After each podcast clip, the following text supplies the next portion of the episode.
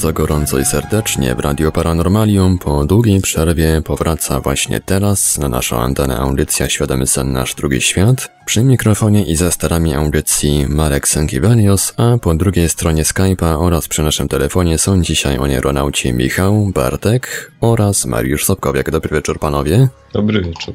Mariuszu, czy się słyszymy? Halo, halo Mariusz. No, Mariuszowi Windows postanowił zrobić psikusa i zorganizować akurat dzisiaj aktualizację, ale mm, mamy nadzieję, że Mariusz zaraz do nas wróci. Dziś będziemy dyskutować o dosyć takim szerokim, szeroko sformułowanym temacie przyszłość śnienia. Zanim jednak przejdziemy do tematu, podam kontakty do Radia Paranormalium, ponieważ audycję realizujemy dzisiaj w całości na żywo. Można do nas dzwonić na nasz numer telefonu 32 746 0008, 32 746 0008, skype radio.paranormalium.pl. Można również do nas pisać na radiowym gadu gadu pod numerem 36 08 8002, 36 08 8002. Jesteśmy również na czacie Radia Paranormalium na www.paranormalium.pl.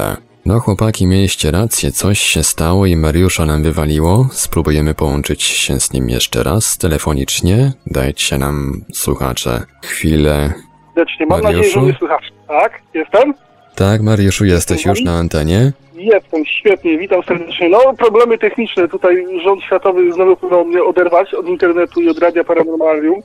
Ale jestem z wami i cieszę się, że mnie słychać. Mam nadzieję, że za szybko nie zaczęliście i dołączyłem w odpowiednim momencie. No, dołączyłeś w odpowiednim momencie, żeby rozpocząć temat. Tak jest, więc jeszcze raz witam serdecznie y, wszystkich słuchaczy, witam moich kolegów, którzy są z nami. Cześć Marku. Y, proszę Państwa, jest to pierwszy odcinek cyklu audycji Świadomy Sen y, Nasz Drugi Świat.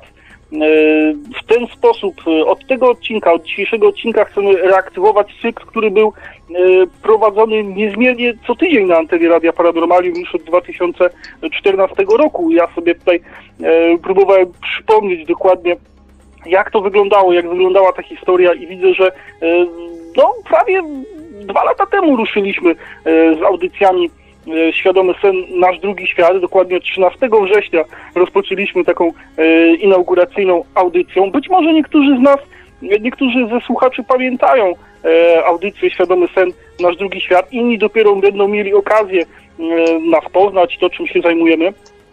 Na, aute- na antenie tej audycji będziemy poruszać tematy dotyczące e, snu i śnienia, m, wszystko co dotyczy tego pogranicza e, świata sennego, świata onirycznego i tutaj naszego e, świata na jawie. Audycja Świadomy Sen Nasz Drugi Świat jest formą współpracy Radia Paranormalium, za co ogromnie dziękujemy Markowi i Weliosowi i Ruchu Oneironautycznego, którego jestem reprezentantem, jak również koledzy, którzy wraz ze mną dzisiaj e, będą dyskutować m, na temat, o którym jeszcze opowiem.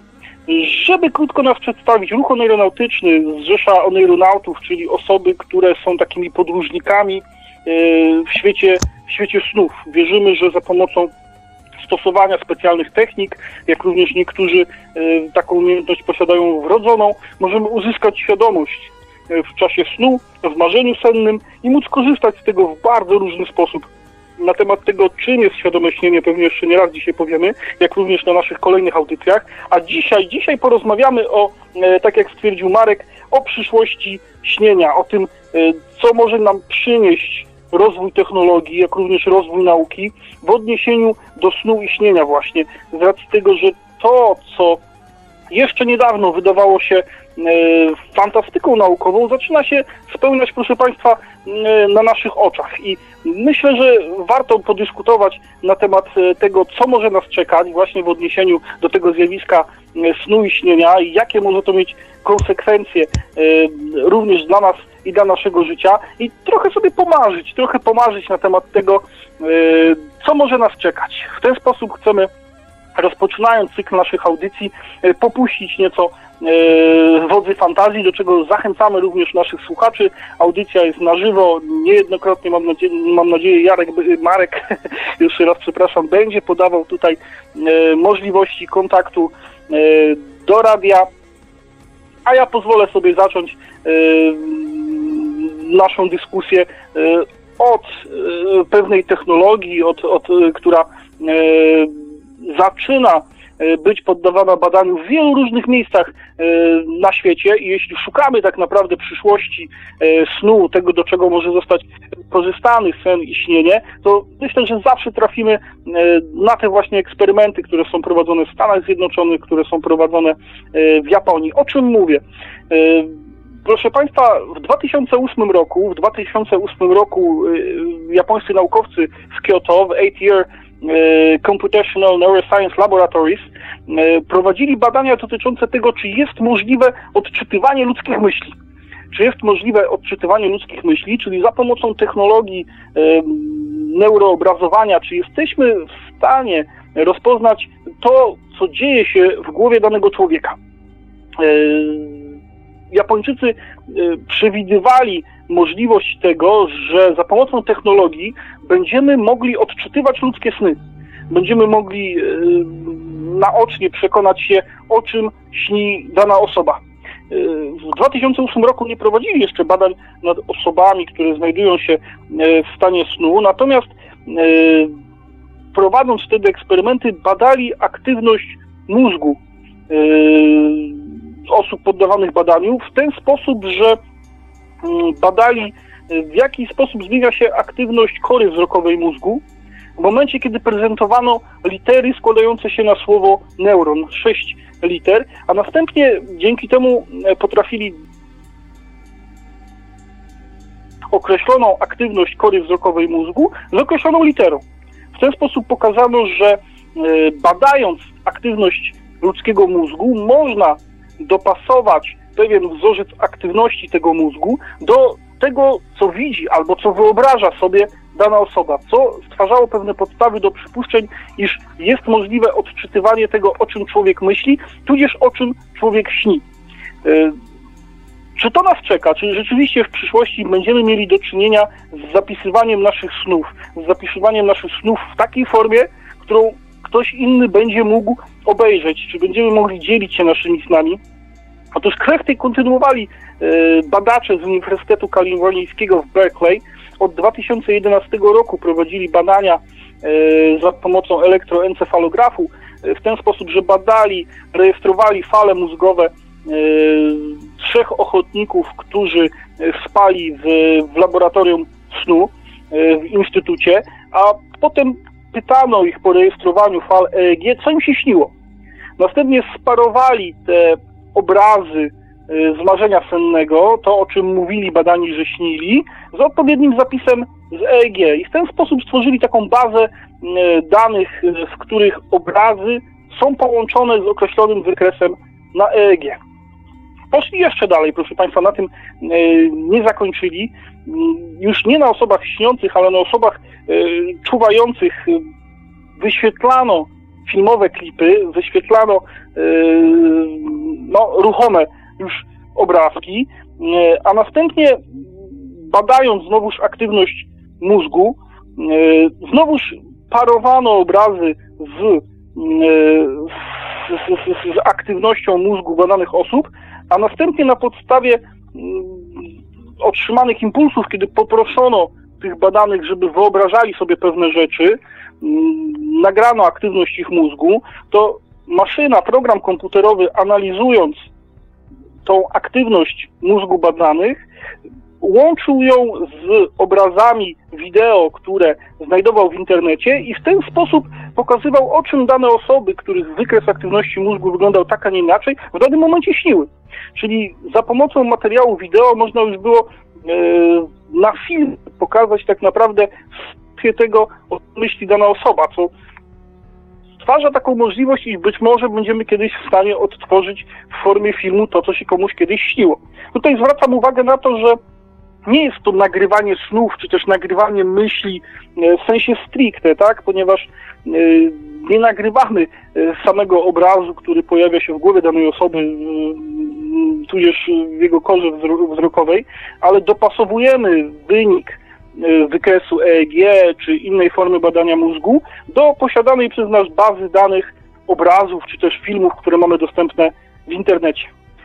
Y, badania rozwijali jeszcze naukowcy z Uniwersytetu Yale, więc y, jest to taka kwestia, która myślę będzie się rozwijać i y, będziemy jeszcze zaskakiwani tym, co uda się odkryć. W 2014 roku w marcu dowiedzieliśmy się, że naukowcy z Yale udało się w sposób taki już bardziej czytelny odwzorować wygląd twarzy o której myśli dana osoba, z aktywnością jego mózgu, więc w ten sposób mm, dzięki rejestrowaniu aktywności mózgu badanych byliśmy w stanie odtworzyć wygląd twarzy, o której w danym momencie myśleli.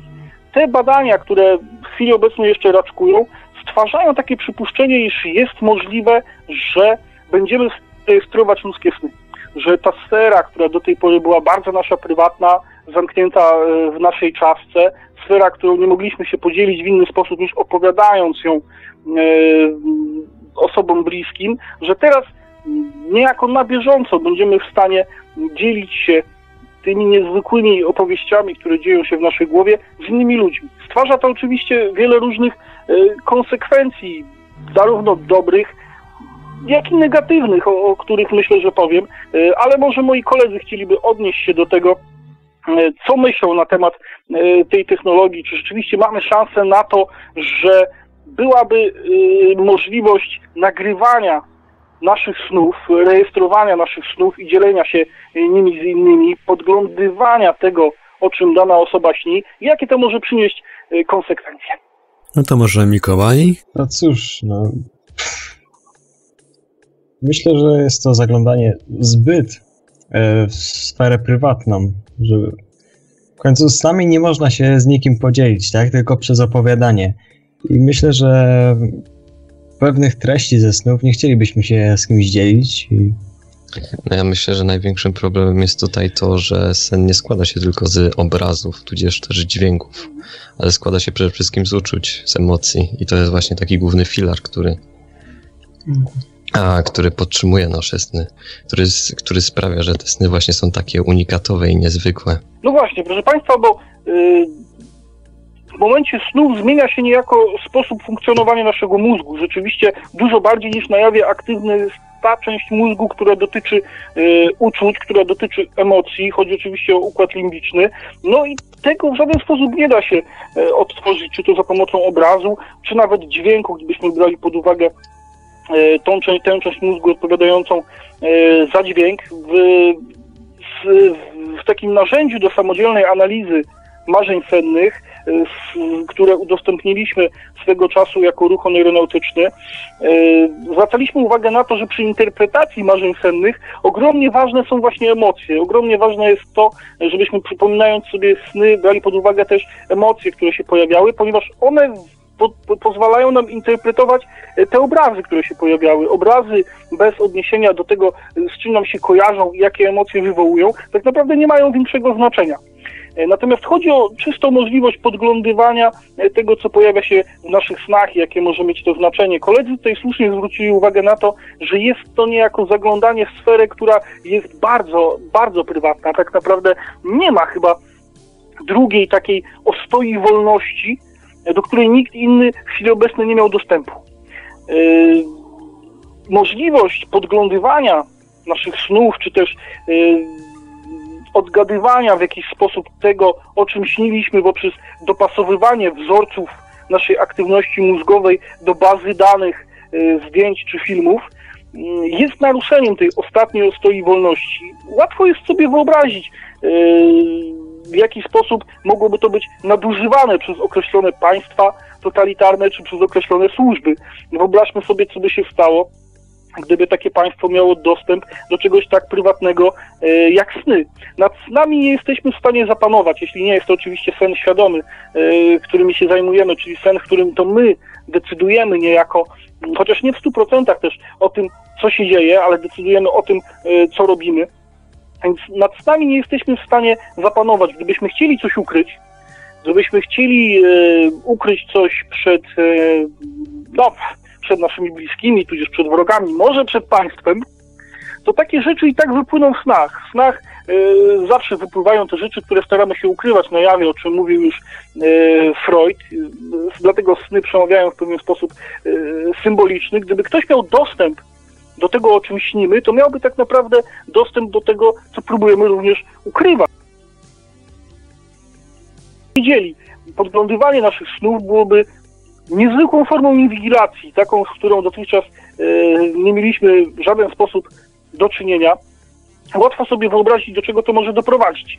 E, żeby nie być czysto gołosłownym e, i nie wychodzić z założenia, że mówimy o czymś bardzo bardzo niekonkretnym, e, o czymś, co nie może nam e, tak naprawdę w chwili obecnej zagrażać, bo jeśli spojrzymy chociażby na to, co udało się osiągnąć badaczom z Yale albo e, z Uniwersytetu Kalifornijskiego Berkeley, zobaczymy, że mamy do czynienia tak naprawdę w chwili obecnej z niewyraźnymi plamami, które mają odzwierciedlać to, o czym śni dana osoba. Bardzo ciężko mm, tutaj dopatrzyć się szczegółów, na bazie których można by było coś wnioskować, więc jest to w powijakach ktoś mógłby stwierdzić, że w chwili obecnej nie jest to większe zagrożenie.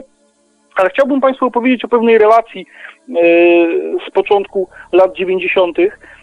Lech Szewczyk. Lech Szewczyk, człowiek, który mieszkał w mieście, w którym ja obecnie zamieszkuję, a jestem z Gorzowa Wielkopolskiego, e, napisał książkę, która jest zaliczana do literatury faktu i utrzymywał przynajmniej w niej, że wszystko, co opisuje, jest prawdziwe e, chociaż ciężko w to uwierzyć. Książka nosi tytuł Służby Specjalne RP czy Mafia. Otóż pan Lech Szewczyk twierdził, że jest wykorzystywany przez służby specjalne mm, naszego świeżo co upierczonego państwa e, demokratycznego III Rzeczypospolitej. W jaki sposób wykorzystują go tajne służby? Otóż za pomocą hipnozy lub różnych innych działań zmuszają go do popełniania przestępstw. Przy czym pan Lech Szewczyk opisywał tutaj bardzo konkretne przykłady tego, co musiał robić, gdzie musiał robić e, jakich osób to dotyczyło. Szewczyk zwraca uwagę również na takie elementy, które moglibyśmy nazwać fantastycznymi, e, elementy, którym, których również my dzisiaj e, dyskutujemy. Mianowicie Szewczyk twierdził, że tajne służby naszej nowonarodzonej III Rzeczypospolitej mają dostęp do tego, co dzieje się w jego głowie. Potrafią mianowicie podglądać jego sny. I dokładnie to, o czym mówimy i coś takiego opisał e, Szewczyk w swojej książce Służby Specjalne RP czy Mafia, wierząc, że to, co opisuje jest Y, prawdą. Co więcej, do czego służby RP wykorzystywały sny y, pana Lecha Szewczyka, byłego mieszkańca Gorzowa? Y, otóż uważał on, że robią z niego scenariusze do filmów.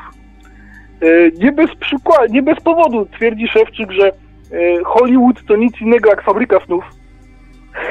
To określenie miało pochodzić stąd, że tajne służby podglądają nasze sny i wykorzystują najlepsze scenariusze do tego, żeby tworzyć filmy, które później oglądamy na szklanym ekranie. W ten sposób Szewczyk zwracał uwagę na to, jak możemy zostać ograbieni, bo on tak się czuł osobiście ograbiony z czegoś, co należało do niego i co było dla niego bardzo, ale to bardzo prywatne. Możemy się z tego śmiać dzisiaj, możemy mówić o, o Szewczyku jako o schizofreniku i prawdopodobnie y, tak jest, bądź tak było, ale y, jeśli pracuje się nad technologią, której celem jest podpatrywanie tego, co dzieje się w naszej głowie i pracuje się nad tym w odniesieniu do snów, to musimy myśleć w chwili obecnej o konsekwencjach tego, do czego to doprowadzi. Musimy myśleć o kwestiach etycznych yy, takich działań naukowych, które są prowadzone, abyśmy pewnego czasu, pewnego dnia nie obudzili się z ręką w nocniku, kiedy okaże się, że to jest możliwe i że ktoś rzeczywiście może podejrzeć, co dzieje się w naszej głowie, przynajmniej przez dopasowanie wzorców naszych fal mózgowych do obrazów, które będą zapisane w bazie danych. Słuchajcie Państwo audycji Świadomy Sen Nasz Drugi Świat. Pierwszy odcinek po długiej przerwie. Dziś dyskutujemy o o tym, co może nas czekać w odniesieniu do zjawiska śnienia i jakie to może mieć konsekwencje dla naszego życia. Audycję realizujemy w całości na żywo. Można do nas dzwonić na nasz numer telefonu 32 746 0008, 32 746 0008, skype radio.paranormalium.pl. Można również do nas pisać na gadu-gadu na numer 36 08 80 02, 36 08 80 02, bądź też na czacie Radia Paranormalium na www.paranormalium.pl. Panowie, czy chcielibyście coś dodać? Może Bartek? A odnośnie tego całego obrazowania snów, tak? Na przykład. Nie, odnośnie tego to nie mam żadnych dodatkowych informacji do podania, więc... To może w takim razie Mikołaj? Ja również sądzę, że Mariusz przekazał już wszystkie niezbędne informacje na ten temat. A, a ja będę oponował, panowie, ja będę oponował, bo zwróciliśmy tutaj wszyscy e, oboje uwagę na negatywne skutki e, rozwoju takiej technologii. Zwróciliśmy uwagę na to, e, jakie zagrożenia niesie ze sobą możliwość podglądywania naszych snów. A nikt z panów, ja również, e, bo miałem nadzieję, że, że to jest coś tak fant- fantastycznego, że zaraz zaczną się pojawiać e, pomysły na to, jak to wykorzystać. Nikt nie zwrócił uwagi na pozytywy nikt e, nie zwrócił uwagi na to, do jakich fajnych rzeczy mogłaby zostać wykorzystana taka technologia, nad którą obecnie pracuje się, e, czy to w Stanach Zjednoczonych, czy, czy, czy w Kyoto. E, a przecież możliwość podglądywania tego, co dzieje się w naszej głowie, gdy śpimy, stwarza również ogromne szanse. Ja dam chociażby jeden przykład na temat tego, jak można byłoby wykorzystać taką technologię, w jaki sposób rozwój technologii mógłby tutaj wpłynąć na na mm, wykorzystywanie tutaj tego e, świata snu, w którym spędzamy jedną trzecią naszego życia. Otóż wyobraźmy sobie ludzi, którzy w tym śnie są zamknięci. Wyobraźmy sobie ludzi w śpiączce, e, u których mamy do czynienia z aktywnością e, mózgu, u których pewne rzeczy w głowie się dzieją, prawda? A my nie mamy zielonego pojęcia jakie i nie możemy nawiązać z nimi kontaktu. A teraz wyobraźmy sobie, że możemy podłączyć maszynę i możemy zobaczyć, co dzieje się w ich głowach że możemy zobaczyć, o czym oni myślą, że możemy zobaczyć, o czym oni śnią. E, czy takie wykorzystanie tej technologii nie jest wystarczające ku temu, żeby, mm, żeby ją rozwijać, żeby rzeczywiście nie patrzeć tylko e, z poczuciem zagrożenia na to, co dzieje się w laboratoriach snu w Yale czy e, w Berkeley, ale żeby zwrócić uwagę na to, że warto to robić, warto to robić, bo mogą z tego wyniknąć pożyteczne rzeczy. Do jakich jeszcze fajnych, y, pozytywnych y, rzeczy możemy wykorzystać technologię, nad którą pracuje się obecnie w tych laboratoriach, o których mówiłem, podglądywania marzeń sennych. Panowie, czy przychodzi Wam do głowy jakieś zastosowanie tej technologii, dla którego warto byłoby rzeczywiście z niej korzystać? Zastosowanie inne niż to, żeby rządy totalitarne czy tajne służby RP, jak w przypadku Lechu, Lecha Szewczyka, mogły podglądać nasze sny, aby czegoś się o nas dowiadywać albo wykorzystywać je jako materiał filmowy. Ja oczywiście zachęcam słuchaczy do tego, żeby sięgnąć po książkę Lecha Szewczyka, może nie traktować wszystkiego śmiertelnie poważnie, chociaż on podchodził do tego śmiertelnie poważnie i opisywał tam rzeczy e, naprawdę poważne, między innymi wykorzystywanie dzieci e, przez ówczesnych e, rządzących e, również przez władzę samorządową tutaj w Gorzowie, więc była to książka taka bardzo, bardzo krytyczna i bardzo niebezpieczna, myślę, w jakiś sposób. Ale zachęcam, Lech Szewczyk, tajne służby specjalne RP czy Mafia, 95 rok, pierwsze wydanie. Natomiast nie zamykajmy się na tym, nie zamykajmy się tylko na negatywach. Panowie, macie pomysł takiego pozytywnego e, wykorzystania tej technologii, bo jeśli ktoś nad nią pracuje, jak badacze w Yale, czy w Berkeley, czy właśnie w Kyoto, no to myślę, że też stawiają sobie pewne cele, chcą w jakiś sposób pozytywny ją wykorzystać, bo wątpię, aby tłumaczono e, to w ten sposób, że prowadzimy badania nad technologią, która pozwoli e, rządom kontrolować to nad czymś innym. W jaki sposób byłoby technologię wykorzystać? Ja tutaj zachęcam do tego, żeby popuścić oczywiście wodze. Jak mówiłem, ta fantazja już jutro może się zmienić w rzeczywistość. A ja chciałem się odnieść do tej śpiączki, o której wspomniał Mariusz, bo nie do końca uważam tego za dobry pomysł. Tak jak już wcześniej zaznaczyliśmy, sny to jest sfera prywatna i a, taka osoba a, no nie może powiedzieć, czy jej się to podoba, czy nie, e, czy ją podglądamy czy, czy tego nie robimy. Nie ma na to wpływu, więc a, próba jakby zajrzenia w jej marzenie jest po prostu próba wtargnięcia na jej płatność. No jeszcze do pozytywów sądzę, że dla osób śniących, śniących świadomie yy, byłoby to świetna opcja, żeby zastąpić snów. Yy, normalnie musimy zapisywać słownie, a tak to mimo, że mielibyśmy dostęp do wersji filmowej No ja wierzę, że słuchacze Radia Paranormalnym, mam nadzieję, że e, nieźle mnie słychać. Jeszcze raz przepraszam, ale rzeczywiście dzisiaj, e, jak to często jest w przypadku e, rozpoczęć i, i startów, ten Windows mnie zaskoczył i nadal przetwarza mi aktualizację komputera, więc muszę się z Państwem łączyć e, telefonicznie, co stwarza różne niedogodności. E, w chwili obecnej informuję na bieżąco o przetwarzaniu aktualizacji 35%, więc cały czas do przodu, ale powoli do przodu. E, Być może ktoś ze słuchaczy ma jakieś zastrzeżenia co do rozwijania takiej technologii, nad którą się dzisiaj pracuje, podglądywania naszych snów e, w instytutach w Yale, Berkeley czy w Kyoto, albo może ma pomysł na pozytywne wykorzystanie takiej technologii. Zachęcam do tego, żeby e, do nas dzwonić na kontakty podane przez Marka i Weliosa i dzielić się takimi spostrzeżeniami. A ja zwrócę uwagę na jeszcze jedno, bo tutaj został poruszony poruszona kwestia tego, że sny są bardzo prywatne, y, że sny są taką sferą, co do której możemy nie chcieć, aby ktoś w nią wtargnął i dlatego też y, podglądywanie chociażby ludzi, którzy znajdują się y, w śpiączce byłoby ingerencją w sferę bardzo prywatną, do której nie mamy prawa. Być może tak jest, być może rzeczywiście w przypadku osób, które nie mogą o tym zadecydować, jest to w jakiś sposób naruszenie ich sfery prywatności, chociaż jeżeli ktoś znajduje się w stanie śpiączki i nie bardzo może o sobie decydować, to y, można stwierdzić, że każde działanie wykonywane wobec takiej osoby y, byłoby naruszaniem jakiejś sfery prywatnej, co do której ona decyzji podjąć nie może. Mm, Są to kwestie takie etyczne, ale musimy zwrócić uwagę na to, że zawsze rozwój technologii y, prowadził w jakiś sposób również do zmiany sfery społecznej, do naruszania pewnego y, etycznego tabu i już teraz powinniśmy prowadzić dyskusję na ten temat. Y, Odniosę się jeszcze y, już nieco odchodząc od kwestii nagrywania naszych snów, właśnie do tego, że sny są sferą prywatną i chcielibyśmy, aby dla nas pozostały. Ja jak wielu oneironautów, y, od dawien dawna zastanawiam się nad możliwością prowadzenia wspólnych, świadomych snów. Jestem oczywiście, y, oczywiście, jestem do tego nastawiony dość sceptycznie.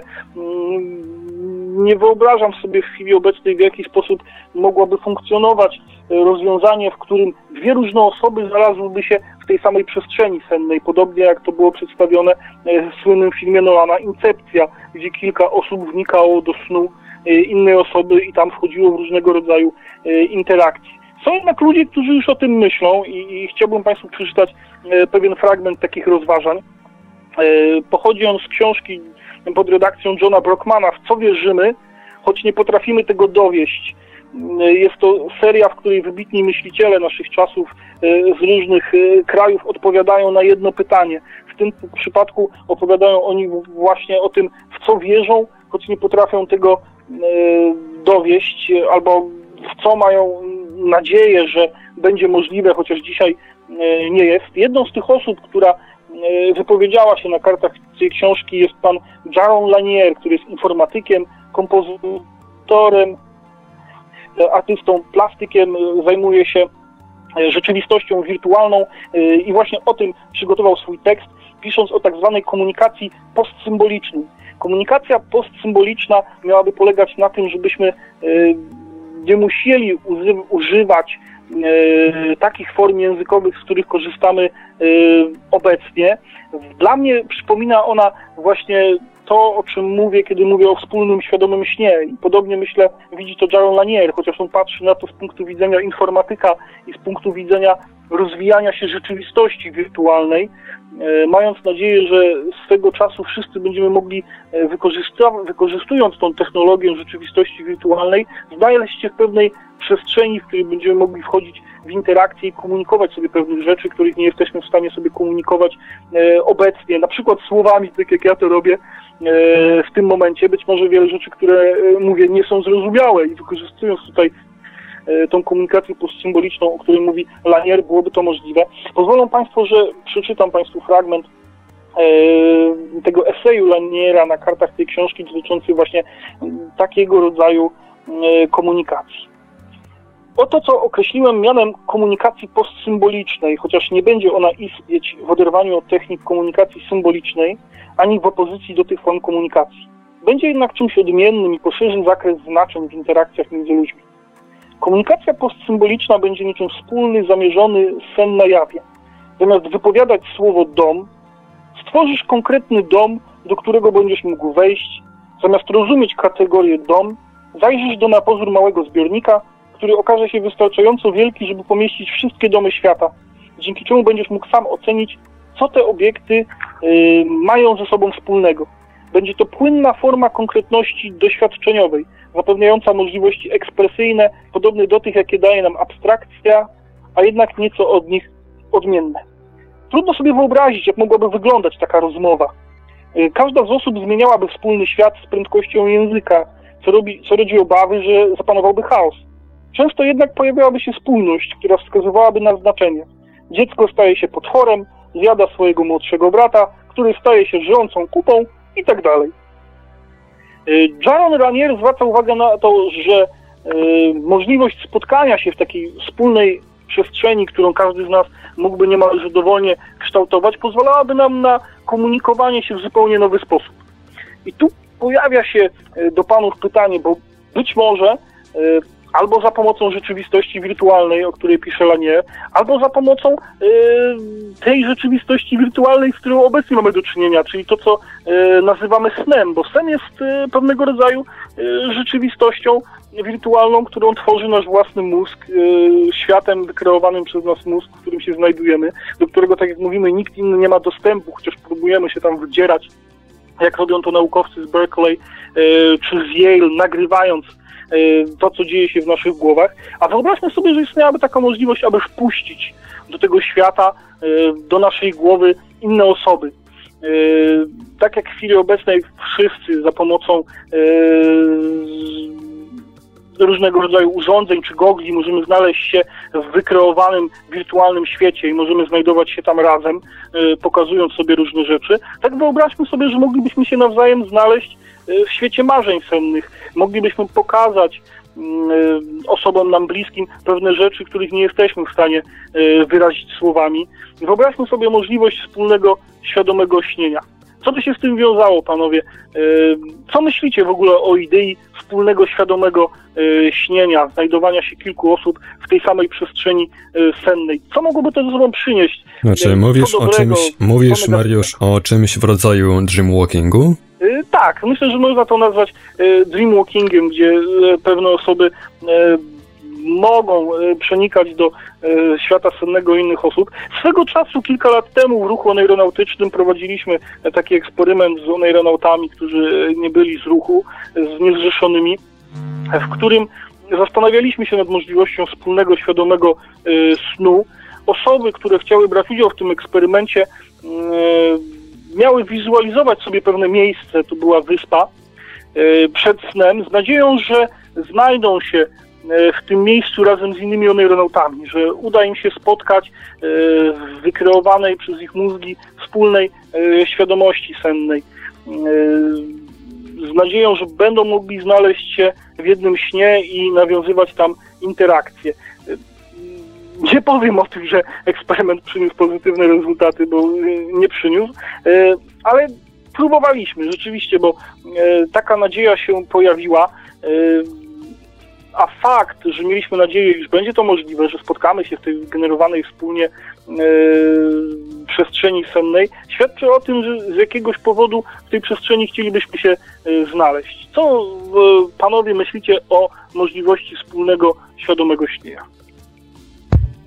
No ja myślę, że to jest dosyć abstrakcyjny pomysł i to nie dojdzie do skutku w najbliższej przyszłości na pewno.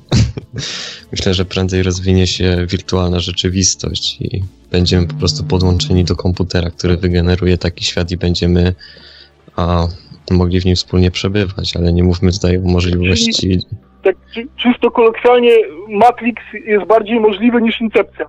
W tym tak. Zdecydowanie. Tak, tak właśnie sądzę. Myślę, że a, no, dzielenie własnych snów to bardziej na zasadzie właśnie a, nagrywania swojego snów i udostępniania ich, pokazywania komuś, a nie a, przebywania w jednym tym samym śnie. No, Szkoda, że dzisiaj w audycji nie bierze udziału pan Jarek Bzoma, bo on pewnie miałby odmienne troszkę zdanie na ten temat. Myślę, że mogłaby się wywiązać e, ciekawa dyskusja z tego.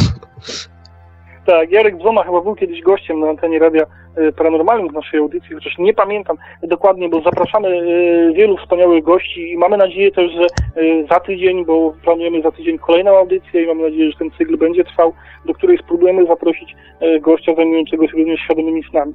Ja proszę, ja zwrócę uwagę panów czysto teoretycznie na to, ponieważ rozważamy teraz przyszłość, a w przyszłości mogą zdarzyć się takie rzeczy, o których Y, że zacytuję, nie śniło się filozofom.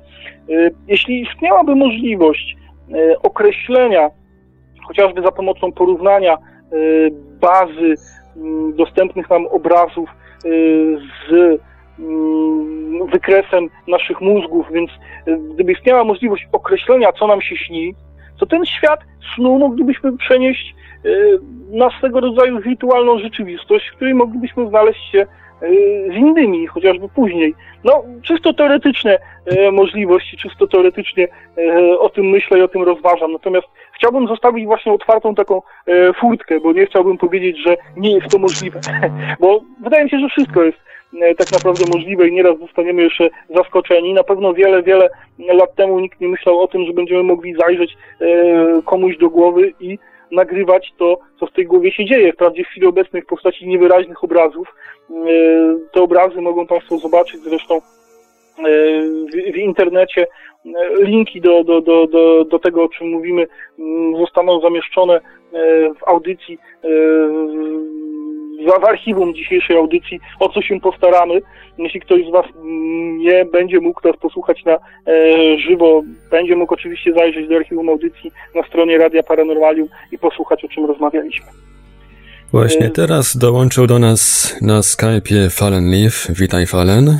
Witam wszystkich, wit, y, witam Radio Paranormalium, słuchaczy, e, członków ruchu oneironautycznego. E, ja mam przede wszystkim kilka pytań do Mariusza w, w kwestii jeszcze e, całego tego urządzenia, to nagrywania, w cudzysłowie snów, e, o którym mowa była na początku. Ja już o tym słyszałem dużo wcześniej, chyba jakiś może rok temu, ale prawdopodobnie Mariusz więcej, bardziej bardziej się w to zagłębił, więcej o tym czytał, e, więc może mi wyjaśni te kilka wątpliwości. E, ja na, e, jak to przeczytałem o tym urządzeniu, dowiedziałem się o tym, to od początku patrzyłem na to sceptycznie. No, w artykule oczywiście autorzy pisali, że może być taka przyszłość, że Mm, że rokowania nie są najgorsze, ale tak z logicznego punktu widzenia, e, to e, patrząc na to tylko na to, co do tej pory osiągnęli, e, no to nie widzi mi się to za bardzo. Po pierwsze, kwestia wyobrażania, a śnienia jest trochę inna. I tutaj pierwsza taka wątpliwość, czy w ogóle E, sygnały z kory e, wzrokowej e, są jednakowe u, tych, u różnych ludzi. Jeśli chodzi, chodzi mi o to, że mm, czy jeśli poszczególne osoby patrzą na ten sam obraz, to będzie taki sam sygnał u nich. Aktywność. dokładnie zwracasz uwagę na te, w ogóle witaj Halen, cieszę się, że, że, że jesteś. Witam, e, witam. Zwracasz uwagę na te różnice e, osobnicze, które są bardzo ważne, dlatego też mówiłem o tym, ale nie podkreślałem, że dochodząc do tego, o czym świadczy określona aktywność mózgu, dochodzono do tego w ten sposób, że pytano dane osoby, co sobie w danej chwili wyobrażają. E, bądź w przypadku tych osób śniących w Berkeley w 2011 roku, co im się śniło. E, więc w ten sposób dopasowywano ich indywidualny wzorzec aktywności mózgu do tego, w jaki sposób interpretowane były przez ich interpretator w mózgu te określone sygnały marzeń sennych. Więc w tym przypadku rzeczywiście mógłby być problem z przełożeniem tego na całą populację. Jeśli ta aktywność neuronalna również w korze wzrokowej jest To różna. Czyli kolektywna baza danych jest nie do osiągnięcia w tym przypadku.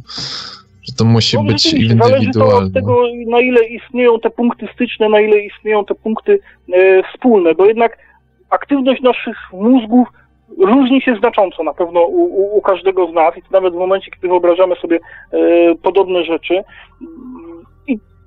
To w dużej, w dużej mierze e, może stanowić e, blokadę dla prowadzenia tego typu działań, jeśli chodzi o podglądywanie, tudzież podpatrywanie tego, co dzieje się w mózgu e, każdego z nas. I tu masz rację, tu się z Tobą zgodzę, że jest to jeden z większych problemów, które należałoby przeskoczyć, żeby tak naprawdę prowadzenie takiej technologii szerzej było w ogóle możliwe. Mm, Tutaj taka kolejna wątpliwość, y, czy, czy to, czy coś y, zauważamy, ma wpływ y, na korę y, wzrokową, czy po prostu, mm, czy zauważamy uwagą. Chodzi mi o to, że mm, na jawie na przykład, kiedy idziemy mm, do pracy czy do szkoły i zamyślimy się, e, no to odbieramy bodźce wzrokowe oraz z innych zmysłów, ale uwaga ich nie postrzega, co oczywiście jednak y, przechodzi, mm, przechodzi w tym wypadku obraz do podświadomości, sen może to wykorzystać. E, Jednak y, sen różni się znaczy, oczywiście zakładając, że tutaj jeszcze ten y, sygnał z kory wzrokowej się nie zmienia, niezależnie od tego, czy jesteśmy świadomi tego, co postrzegamy. E, Jednak w snach y, jest taka różnica, że jeśli nie wodzimy za coś uwagą stabilnie, stabilną uwagą, to ten sen będzie się zmieniał i po prostu Może tak. y, Co może wyjść z takiego nagranego wzorca ze snu, z którego w ogóle, którego w ogóle nie pamiętamy? Y, Mi się zdaje, że może być to papka wręcz, y, czy coś tego rodzaju, i będzie to po prostu nie do użytku, nie do odczytania. W kwestii uważności widzę to w ten sposób, że nawet kiedy, tak jak mówisz, e, w ciągu życia, e, tak naprawdę kiedy idziemy ulicą, to najczęściej ulicą, którą bardzo dobrze znamy, to wielu rzeczy nie dostrzegamy. Z wielu rzeczy nie zdajemy sobie sprawy. Ktoś nas może e, o coś zapytać, na przykład czy minęliśmy, e, czy widzieliśmy jakiś nowy billboard w danym miejscu i mimo, że tamtędy przychodziliśmy, to tego nie zauważyliśmy, ponieważ e, nie było tej uważności, nie skupiliśmy na tym e, swojej uwagi. Natomiast mówiłeś też o tym właśnie, że niezależnie od tego, czy e, świadomie e, dostrzegamy pewne rzeczy, to one docierają z naszego mózgu i są tam zapisywane, E, więc te obrazy pobudzają też korę wzrokową, e, trafiają na korę wzrokową i ją aktywują, co najwyżej nie są w sposób świadomy przez nas odbierane. Jeśli porównujemy te wzorce mózgowe dotyczące aktywności kory wzrokowej, gdzie no, wszystkie obrazy powinny być przetwarzane, to wszystko powinno się pojawiać.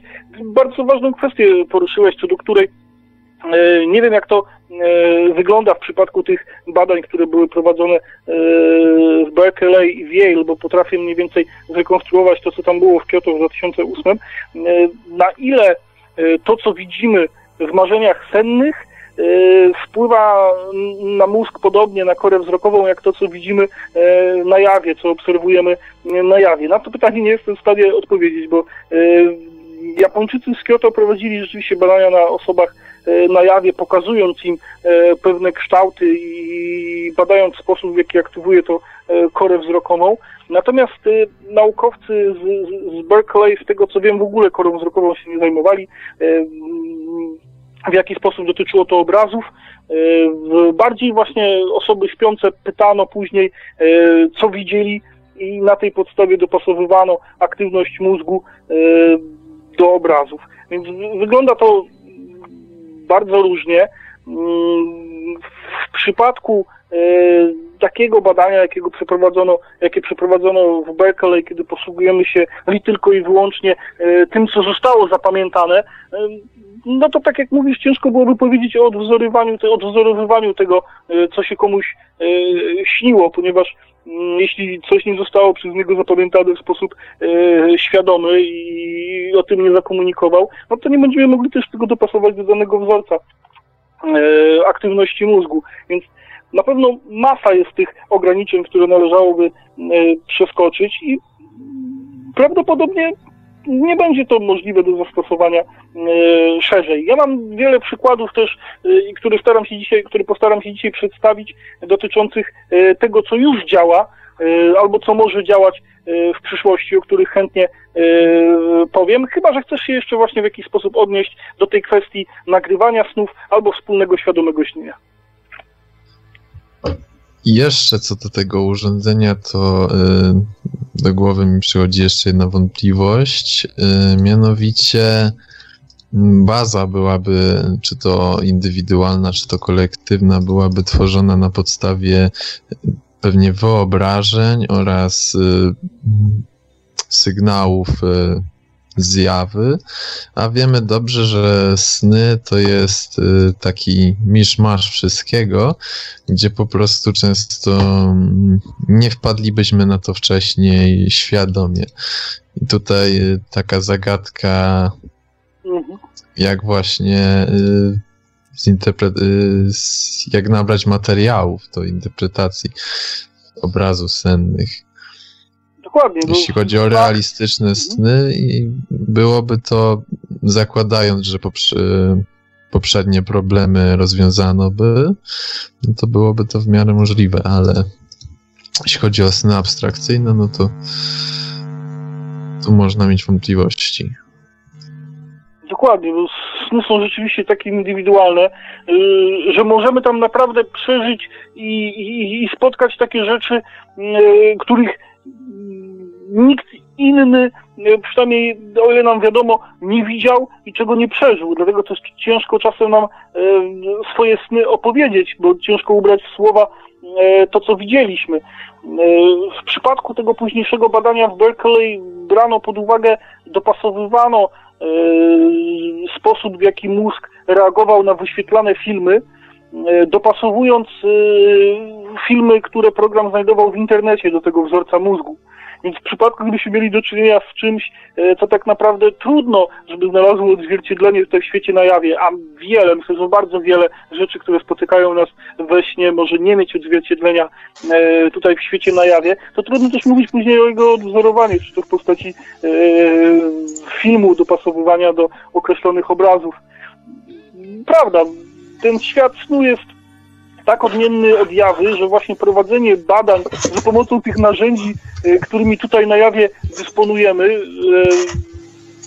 może być trudne, bo są to rzeczy z dwóch różnych światów, e, tak naprawdę. I świat snu w pewien sposób, i to myślę znaczący i zasadniczy, różni się od świata na jawie i prowadzenie badań nad światem snu za pomocą narzędzi, którymi dysponujemy tutaj w świecie na jawie, może być trudne i może prowadzić em, do różnego rodzaju trudności, takich też, o których wspomniałeś, czyli niemożność dopasowania e, pewnych wzorców, m, e, pewnych obrazów ze świata na jawie do tego, co pojawiło się e, w świecie we śnie. I super, że zauważasz e, tego typu problemy.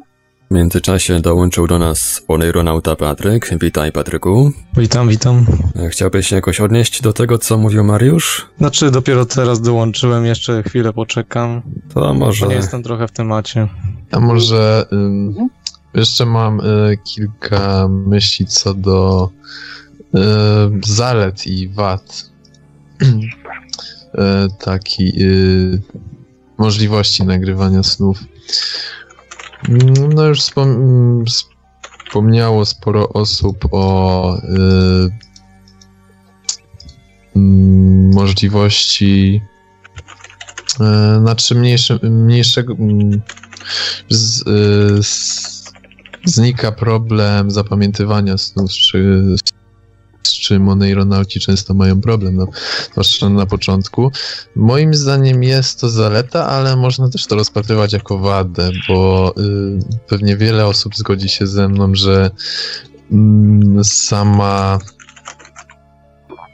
y, samo praktykowanie śnienia oczywiście dla wielu mm, y, szczególnie początkujących jest problemem, jakąś udręką, y, kiedy nastawiają się tylko na cel, czyli osiągnięcie y, LD, pomijając drogę.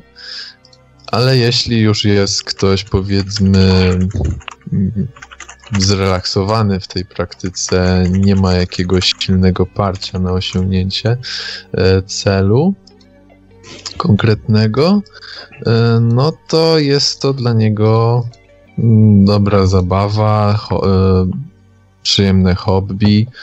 E, I tutaj, e, kiedy znikają takie mankamenty, że zawsze, że zawsze pamiętamy sen, bo nie ma możliwości, żebyśmy go nie zapamiętali. A także pewnie to znacznie ułatwiłoby w różnych mechanizmach osiąganie LDE, o czym też można pomówić, e, to mm, no nie byłoby dla wszystkich e, dobre, nie byłoby to zaletą. Szczególnie, że mm, moim zdaniem dla wielu oneironautów e, praktykowanie neuronautyki jest pewnym, pewnym źródłem, powiedzmy, dumy. I e, jako, że jest to też z, z hobby bardzo osobliwe, yy, stosunkowo mało osób je praktykuje, to po prostu e, niektórzy tym bardziej dobrze się z tym czują, a jeśli się staje to y, powszechne, łatwe y, do osiągnięcia dla każdego, no to może niektórym się nie podobać. Nie mówię tu y, tak konkretnie za siebie, tylko po prostu obserwując środowisko neuronautów, początkujących adeptów, zaawans zaawansowanych, śniących Ktoś się ze mną zgodzi, czy, mm, czy tylko ja wyciągnąłem taką obserwację? Y, ja myślę, że pojawienie się nowej technologii zawsze jest pewnego rodzaju y, y, zagrożeniem dla tych, którzy do tej pory wkładali dużo więcej wysiłku do tego, żeby e, coś takiego osiągnąć. E, jeśli weźmiemy pod uwagę chociażby możliwość wywoływania snów świadomych za pomocą prądu zmiennego, tak jak prowadzono takie badania w Niemczech, gdzie przyniosło to rzeczywiście znaczące rezultaty. Gdybyśmy nagle mogli wszyscy wywoływać sny świadome za pomocą stymulowania mózgu prądem zmiennym, mm, to co zrobić z tymi wszystkimi, którzy poświęcili masę czasu, e, zgłębiając różnego rodzaju techniki po to, żeby móc e, osiągnąć tę możliwość. No, nie byłoby to fajne, nie byłoby to na pewno przyjemne, natomiast w chwili obecnej uważam, że ogromnie ważne jest, i o tym myślę, że wszyscy onejronauci wiedzą, ogromnie, ogromnie ważne jest ćwiczenie umiejętności zapamiętywania snów.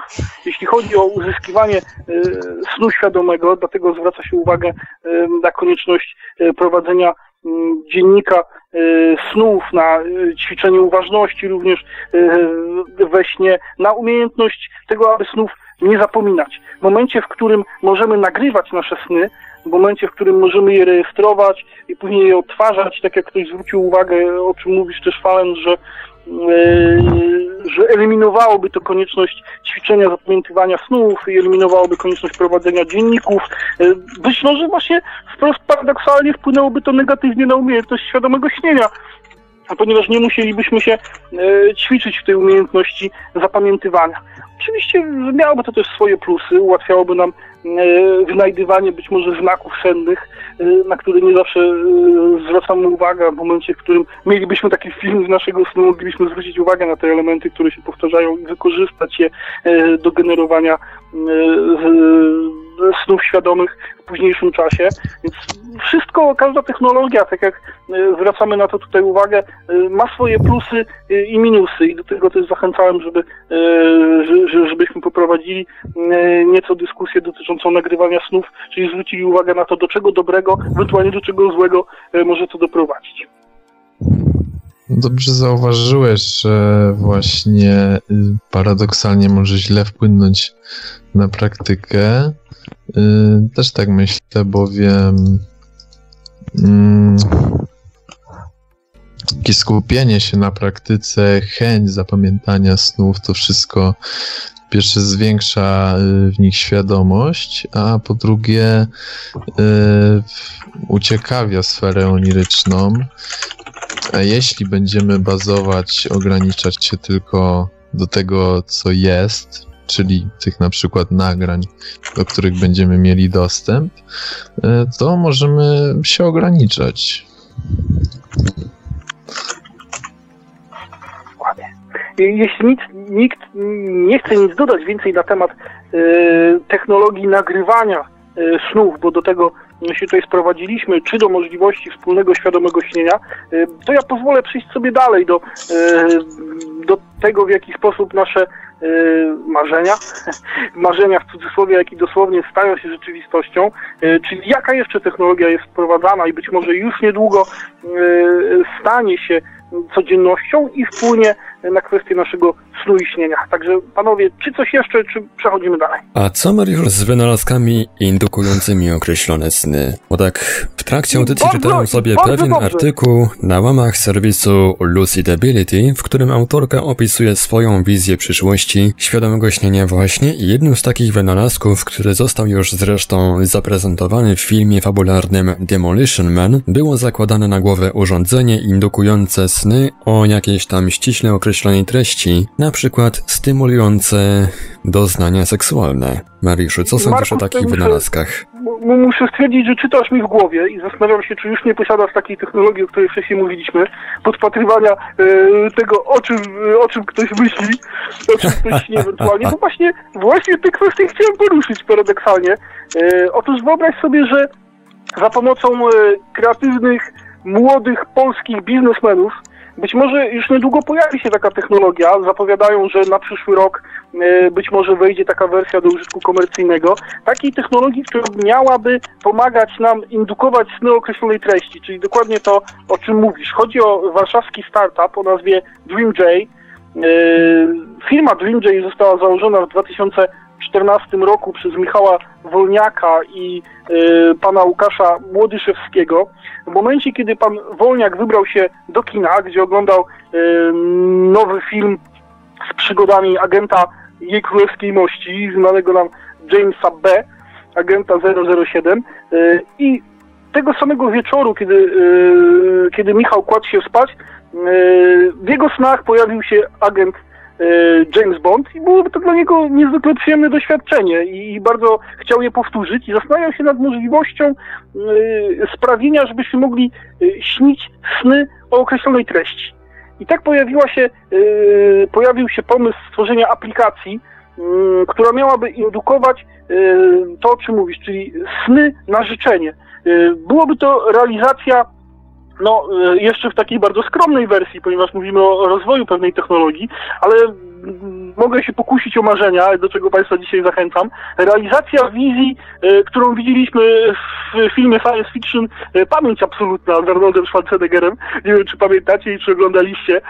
Tam bohater grany przez, przez Arnolda ma sny dotyczące planety Mars Y, na której jakoby nigdy nie był i udaje się do pewnej firmy, która oferuje coś w rodzaju snów na życzenie. Mógł sobie wybrać, y, gdzie chce się znaleźć w tym swoim śnie, kim ma być, yy, jakiegoś rodzaju intrygę, tak, której ten sen miał dotyczyć, yy, jak będzie wyglądała partnerka, którą w tym śnie spotka. Czyli mógł zaplanować sobie przygodę, którą przeżyje, którą możemy nazwać przygodą senną oczywiście jest to daleko idąca e, wizja Wolniak z Młodyszewskim e, w swojej filmie Dream J jeszcze czegoś takiego nie proponują. A co nam proponują, proszę Państwa? Otóż proponują nam indukowanie pewnych motywów sennych. W jaki sposób, w jaki sposób miałoby, to, miałoby to działać? Otóż proszę sobie wyobrazić, że aplikacja na telefony, na tablety, na system Android, którą proponują e, panowie Młodyszewski i Wolniak, miałaby działać w sposób następujący. Miałaby wpływać na pamięć e, przed snem i na pamięć w trakcie snu. E, użytkownik, który korzystałby z takiej aplikacji DreamJ, włączyłby ją sobie przed zaśnięciem, wybrałby motyw, który go interesuje. W chwili obecnej testowane są takie motywy bardzo y, proste i, i, i, nieskomplikowane, jak morze, jak góry, las. Y, w planach są również inne, bardziej konkretne motywy i ogląda dwuminutową animację połączoną z dźwiękami. Animację, która dotyczy właśnie tych motywów morza, gór, lasu. Mm, film jest tak skonstruowany, że ma pomagać zrelaksować się użytkownikowi aplikacji, tak aby mógł zasnąć e, w trakcie jej działania e, przy odpowiednio dobranej muzyce, która będzie jeszcze tutaj z urządzenia, z telefonu czy z tabletu, powiedzmy, kołysać go do snu i te dźwięki, przy których będzie zasypiał, mają mu przypominać e, ten motyw, który sobie wybrał.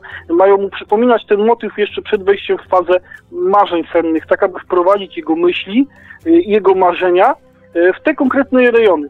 Y, tak jak twierdzi Wolniak, jeśli wybrałeś motyw morza, to sen będzie miał coś wspólnego z morzem. Oczywiście ciężko tutaj mówić o, y, o konkretach tego, co cię spotka, bo zależy to od skojarzeń, zależy to yy, od Twoich wspomnień, ale wyobraźmy sobie taki scenariusz, do jakiego zachęca nas Wolniak, czyli kładziemy się wieczorem do łóżka, sięgamy po telefon, włączamy aplikację, z menu wybieramy morze, zasypiamy po kilku minutach i tej nocy śni nam się, że na desce surfingowej ujeżdżamy największe fale, jakie widzieliśmy w życiu. E, ktoś mógłby zaoponować, tak, jak to możliwe, e, żeby dokonywać takich cudów, tak naprawdę indukować sny o określonej treści e, przy wykorzystaniu mm, czegoś tak prostego, jak ten własny telefon, który kładziemy sobie przy łóżku. Oczywiście wykorzystuje to technologią nam już znaną, o której wielokrotnie wspominaliśmy, mm, czy na stronie ruchu oneironautycznego oneirosociety.tk, czy również tutaj na antenie Radia Paranormalium, ponieważ rok temu bodajże prowadziliśmy audycję, w której omawialiśmy też już istniejące na rynku e, aplikacje e, czy urządzenia, które mają w jakiś sposób e, wpływać na nasz sen, czy to indukować sen świadomy, czy indukować sny o określonej treści.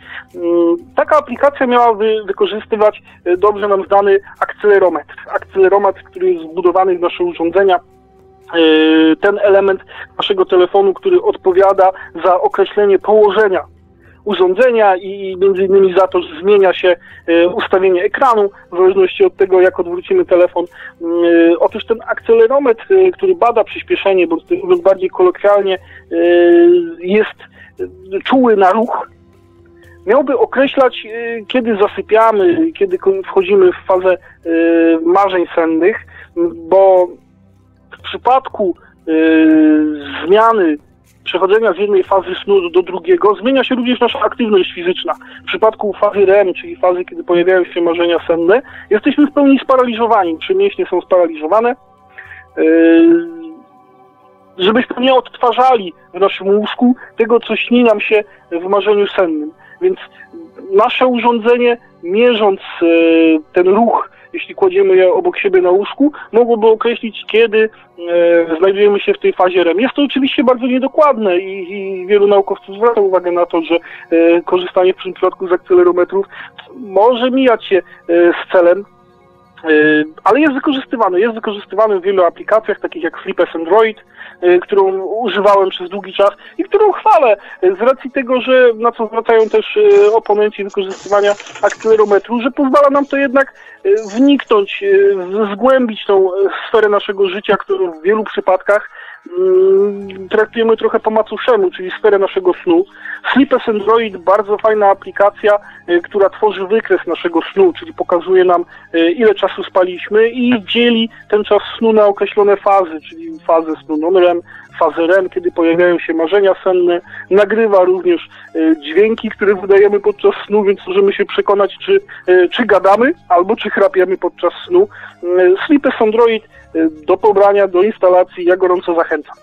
E, aplikacja e, DreamJ e, Wolniaka i Młodyszewskiego mm, miałaby prowadzić do indukowania snów określonej treści właśnie poprzez wpływanie na, na naszą pamięć. Wiele aplikacji, które wywołują sen świadomy, również w ten sposób wpływa na nasz mózg za pomocą komunikatów, które aplikujemy sobie e, przed snem. Wiele rodzajów aplikacji wpływa na sugestie, zanim zaśniemy, na przykład poprzez powtarzanie komunikatów, że dziś w nocy będziemy mieli sen świadomy, tak?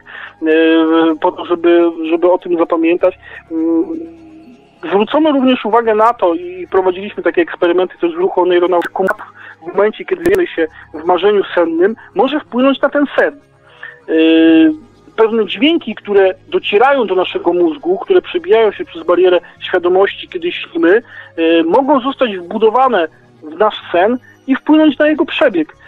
Dajmy na to, jeśli śpimy w swoim łóżku, a za oknem krzyczy ptak, e, docierając do naszego mózgu, ten sygnał może zostać wbudowany e, i odpowiednio zinterpretowany na przykład jako mewę i w naszym śnie zaczną się pojawiać właśnie elementy dotyczące, dotyczące morza. Więc może nam się wydawać, że może, możemy śnić o tym, że znajdujemy się nad morzem.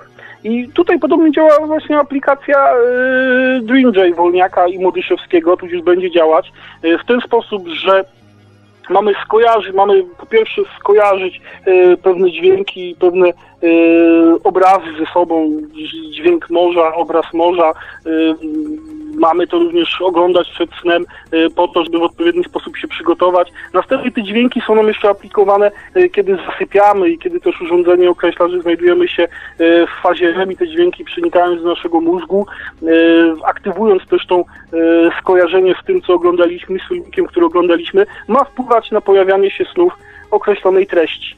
Wolniak z Modyszewskim y, przygotowują swoją aplikację, która już w przyszłym roku y, ma być do pobrania, ma być gotowa do wykorzystania y, w wersji komercyjnej. Zobaczymy, jak będzie to działać. Sami panowie są bardzo, ale to bardzo optymistycznie nastawieni. Twierdzą, że, że nie jest to żart. Twierdzą, że w chwili obecnej niektóre motywy senne udaje im się wywołać ze skutecznością 50%, co jest naprawdę e, sporym osiągnięciem. W przypadku jeszcze innych skuteczność wynosi aż 80%, proszę Państwa, ale niestety e, ta skuteczność dotyczy akurat tych marzeń sennych, które są nieprzyjemne, bo koszmarów sennych.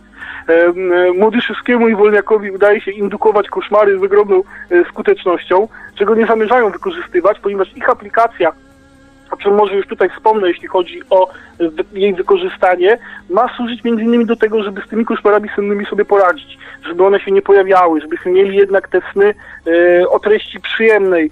E, dlatego w chwili obecnej no już e, spośród tych motywów docelowych, że tak powiem, pojawiają się te przyjemne morze, góry, las większość naszych snów, jak wykazały badania, to sny nieprzyjemne, to e, koszmary, więc nie dziwię się, że Młodyszewskiemu i Wolniakowi e, zdecydowanie łatwiej przychodzi indukowanie tych snów nieprzyjemnych.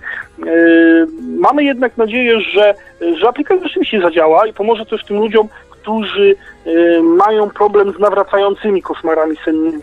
Jeśli za pomocą technologii będą mogli indukować sny o przyjemnej treści, y, to pozostaje nam tylko przyklasnąć i mieć nadzieję, że aplikacja DreamJay rzeczywiście y, będzie działać. Co o tym myślicie y, panowie i co myślicie w ogóle o takich różnego rodzaju urządzeniach, które mają nam pozwolić uzyskać sny na życzenie? To może Bartek? Tak, odnośnie tych, tej aplikacji, o której wspomniał Mariusz.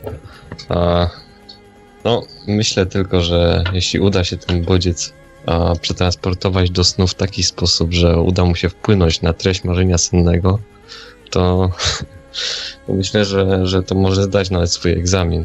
Kwestia tego, czy faktycznie uda się to dostosować w ten sposób, żeby ten e, bodzień, bodziec przeszedł do snu w, taki, w taki sposób, żeby wpłynąć na marzenie senne.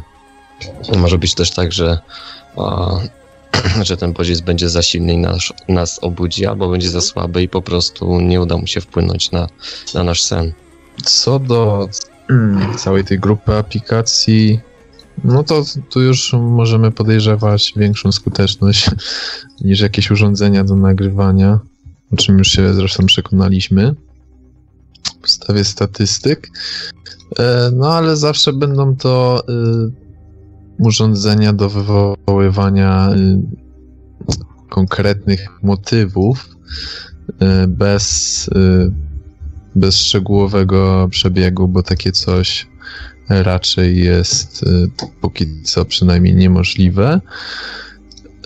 No wiadomo, że jeśli przyśni nam się plaża, to jest minimalne szanse na koszmar, więc może, może być spełnione mm, te zadanie, o które chodzi autorom, czyli y, likwidacja koszmarów sennych, ale nie zawsze koniecznie będzie to, co akurat chcieliśmy. Y, ja myślę, że sprawienie tutaj, że y, te sny, które będziemy indukować, będą e, bardzo konkretne, czyli że mniej więcej jak w pamięci absolutnej wszystko dokładnie sobie zaplanujemy e, i to się pojawi. Jest to daniem jakiegoś rodzaju e, kontroli nad naszym snem też czynnikowi zewnętrznemu, bo nie wiem do końca, czy byłoby to fajne, prawda? Zaplanować dokładnie ze szczegółami wszystko, co może nam się przyśnić, z niemożnością jakąś później odejścia od tego schematu, więc mm, myślę nawet, że dużo bardziej pociągające byłoby to, żeby e, był określony pewien motyw, e, bardzo szeroki, morze, las, góry, tego rodzaju rzeczy e, i pozostawienie później reszty mm, interpretacji na bazie naszych wspomnień, na bazie naszych, na bazie naszych doświadczeń, bo to byłoby też, myślę, dużo ciekawsze i zresztą jest to jedna z tych fajnych rzeczy, które dają nam sny, czyli to, że są chciałem powiedzieć w cholerę, które są bardzo nieprzewidywalne i nic nas tak nie może zaskoczyć, myślę, jak nasze marzenia senne. E, I wprowadzenie tutaj takiego elementu, w którym wszystko byłoby dokładnie zaplanowane, wciskamy play i oglądamy sobie ten film, w którym jesteśmy uczestnikiem, mogłoby odebrać taką e, ogromną przyjemność związaną z tym, że nie wiemy, e, czego możemy się spodziewać. Jeszcze chciałem się odnieść e, co do tego urządzenia i tutaj wspominaliście, co urządzenia nagrywania snów i wspominaliście e, o możliwości interpretacji snów. E, ale też Bartek wspomniał, że mm, co później Mariusz potwierdził, e, że nie ma możliwości nagrywania emocji. No a właśnie emocje są mm, głównym e, nie tylko elementem nadającym y, y, wyjątkowość y, wszystkim snom, ale też emocje są niezbędne wręcz do interpretacji, więc nie za bardzo psychoanalitycy odnajdą się w samych nagraniach. Tak, my w ruchu neuronautycznym swego czasu wykorzystując y, model interpretacji marzeń sennych stworzony przez panią profesor y, Clara Hill, taki międzynarodowy autorytet dotyczący y, badania snów, autorkę książki Psychologia snu. I w tym modelu, który dostosowaliśmy tutaj do, do, do potrzeb indywidualnego e, odbiorcy e, w tym narzędziu, które stworzyliśmy, czyli pewnego rodzaju kwestionariuszu, który ma nam pomóc zinterpretować sen, e, który pojawił się w ciągu nocy. W tym kwestionariuszu ogromną rolę odgrywają właśnie emocje. Przy interpretacji marzeń sennych wiele pytań, na które trzeba odpowiedzieć w tym kwestionariuszu, dotyczy tego, co czuliśmy, w danym momencie, kiedy pojawiły się jakieś elementy marzeń sennych, pytania dotyczyły tego, z czym nam się kojarzy y, dany motyw, y, dany element naszego snu, a więc dotyczyło wielu tych y, rzeczy, których nie zobaczymy po prostu nagrywając sen. Mm, gdybyśmy, dajmy na to, czysto teoretycznie znowuż rozważam, gdybyśmy mogli podglądać cudze sny i chcieli na ich podstawie wyciągać pewne y, wnioski dotyczące danej osoby, to byłoby nam to bardzo trudne, bo sny są symboliczne.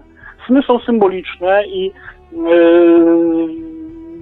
w dużej mierze dużo większe znaczenie mają właśnie dopiero po interpretacji. Takie surowe sny niewiele mogą nam powiedzieć, jeśli nie zostaną przez nas zinterpretowane. A samo nagrywanie snów ich podpatrywanie, czy to przez zazdrosną małżonkę, czy to przez zazdrosny rząd, jeszcze niewiele może przyjeść. E, Bardzo ważna jest ich interpretacja. Myślę, że dużo ważniejsza e, od samego poznania tych obrazów, które się pojawiały.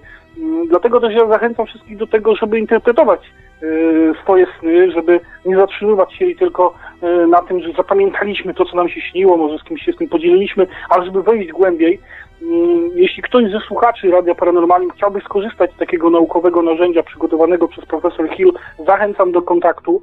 E, Jest to kwestionariusz kilkustronicowy, który pozwala nam przeanalizować nasze marzenie senne na trzech różnych poziomach, Mm, aby móc dojść do tego, co nas sen znaczy i co nam chce przekazać, bo same e, znaczenia e, takie bardzo kolektywne, które dają nam senniki, z których możemy dowiedzieć się, że jeśli śniło nam się drzewo, to znaczy to, to i to.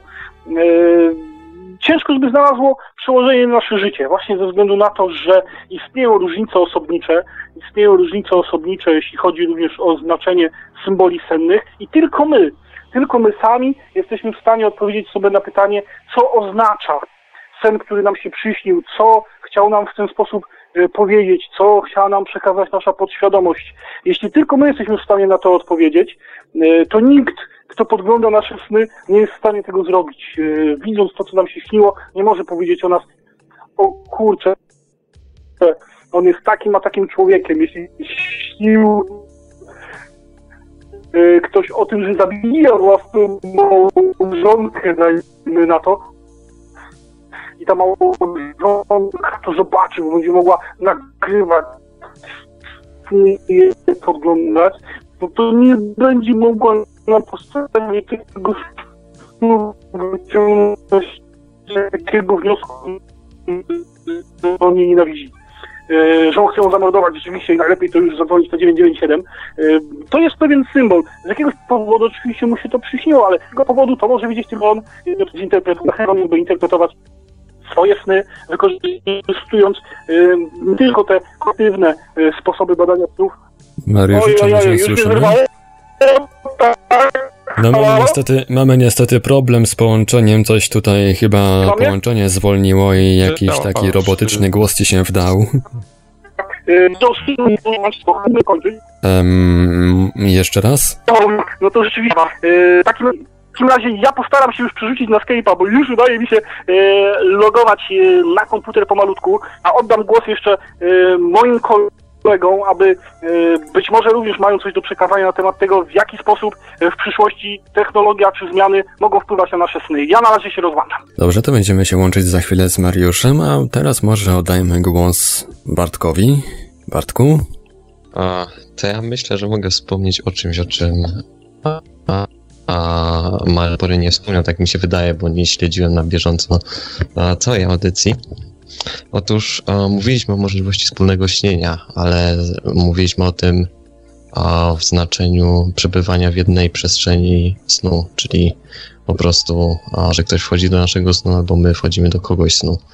Natomiast możemy sobie wyobrazić inną sytuację, a, w której a, dwie osoby śniące przebywają w swoich snach, tylko z tą różnicą, że mogą się ze sobą komunikować taki sposób, żeby oczywiście nie naruszać swojej przestrzeni prywatnej, ale informować o tym, o czym chcą informować. No i taki zarys tego, jak a, taka, taka komunikacja może wyglądać, przedstawił Daniel Oldis i Sean Oliver a, na jednej właśnie takiej imprezie dotyczącej a, a, śnienia i ogólnie tego tematu. Przedstawili oni prezentację, a, w której właśnie zaprezentowany było sposób takiej komunikacji. Taki eksperyment, który możemy już w zasadzie teraz przeprowadzić i na podstawie innych eksperymentów, które odbyły się wcześniej, wiemy, że takie coś jest możliwe. Otóż chodzi o to, żeby stworzyć pewien, pewnego rodzaju węzeł komunikacyjny między tymi dwiema śniącymi osobami. To znaczy, między tymi osobami musi być e, swego rodzaju serwer, który by zbierał wszystkie informacje i mógł je przetwarzać między tymi dwoma osobami. I w tym eksperymencie serwera pełniła strona internetowa, na której właśnie były e, zamieszczane wszystkie informacje. Polegało to na tym, że obie te osoby były zaopatrzone w urządzenie, które służy, służyło do monitorowania ich snu, ich aktywności, tego w jakiej znajdują się fazie. A to urządzenie nazywało się ZEO. No, jeśli się dobrze orientuję, to obecnie jest wycofane ze sprzedaży, ale a jakiś tam egzemplarz posiadali. A ponadto, nie wiem czy to akurat w tym przypadku, ale byli zaopatrzeni w maski, które a, służyły do przekazywania sygnałów świetnych do ich oczu. Niekoniecznie w maski w ogóle chodzi o coś, co po prostu będzie wysyłało sygnały świetne, to jest tutaj istotne. No i polegało to na tym, że um, urządzenie wykrywa, że jedna osoba śniąca jest w fazie REM. Jeśli to wykryje, może a, teraz czy to maska, czy to inne urządzenie może jej wysłać sygnały świetne e, tej osobie śniącej do oczu. Jeśli zajdzie inkorporacja tego bodźca do snu w taki sposób, że śniący będzie w stanie odczytać tą informację, to wtedy a, taka osoba uświadomi się i może zakomunikować o tym, że się uświadomi właśnie za pomocą ruchu gałek ocznych. Jak wiemy, jest to możliwe, aby, aby aby wykryć e, ruchy gałek ocznych podczas snu. No, zostało to w zasadzie wykorzystywane do udowodnienia, że świad e, zjawisko świadomego snu istnieje. No i teraz może za zakodować taką informację właśnie za pomocą oczu. Ta informacja trafi na serwer, przez serwer zostanie przetworzona na, mm, na sygnały świetlne i te sygnały świetlne mogą później zostać wysłane do drugiej osoby. Jeśli te sygnały świetlne zostaną znowu a, poprawnie e, przeniesione do snu i odczytane przez drugą osobę śniącą, ta druga osoba śniąca jest w stanie odczytać komunikat i podobnie jak pierwsza osoba, a może potwierdzić, że dostała taki komunikat za pomocą ruchu gałek ocznych, więc a, jak widać taka komunikacja jest możliwa, no, żeby ona miała jakiś sens, jakiś wyraz, można by a, te komunikaty na przykład a, zapisywać w postaci alfabetu Morsa możemy założyć, że na przykład a, ruch gałek ocznych w lewo oznaczałby krótki sygnał, a ruch gałek ocznych w prawo oznaczałby długi sygnał. Jeśli tylko obie osoby nauczyły się w odpowiednim stopniu alfabetu Morsa, to byłaby możliwa taka komunikacja. No, oczywiście wszystkie a, te dane byłyby zbierane przez serwer, więc po obudzeniu się a takie osoby mogłyby sprawdzić logi z, ta, e, z sesji i je porównać z tym, co przeżywały we śnie. No więc teoretycznie taka, mm, a, taka komunikacja, no, dosyć prymitywna, ale jednak jakaś jest możliwa między e, dwiema osobami śniącymi już nawet teraz. Um, no i możemy się zastanowić, jakie może to mieć swoje zastosowanie, bo wiadomo, a, My tutaj głównie rozpatrywaliśmy to w znaczeniu o, o wspólnego śnienia jako przebywania w jednym śnie. Tutaj mamy do czynienia z czymś innym. A, mamy do czynienia po prostu ze zwykłą komunikacją między dwiema śniącymi osobami.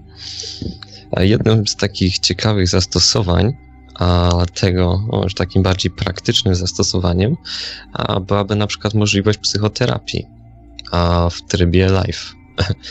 Czyli jeśli osoba przeżywałaby jakiś koszmar, powiedzmy, że mamy osobę, mamy osobę, którą dręczą nawracające koszmary, to taka osoba mogłaby się poddać takiej sesji, w której psychoterapeuta a, mógłby komunikować się z taką osobą, która, a, która śni, a, właśnie poprzez ten rodzaj komunikacji. No niekoniecznie ta, ten psychoterapeuta musi się znajdować we śnie, może się znajdować na jawie i wysyłać takie sygnały do tej śniącej osoby. Ale w każdym razie, jeśli a, a jeśli taka osoba śniąca właśnie za pomocą tego urządzenia zdała sobie e, by sprawę z tego, że śni podczas tego koszmaru, to w tym momencie do pracy może przystąpić psychoterapeuta, który pomoże takiej osobie odnaleźć się w tym śnie, powie jej a, powoli, jakie kolejne kroki powinna wykonać, żeby, żeby właśnie przeciwstawić a, się temu lękowi.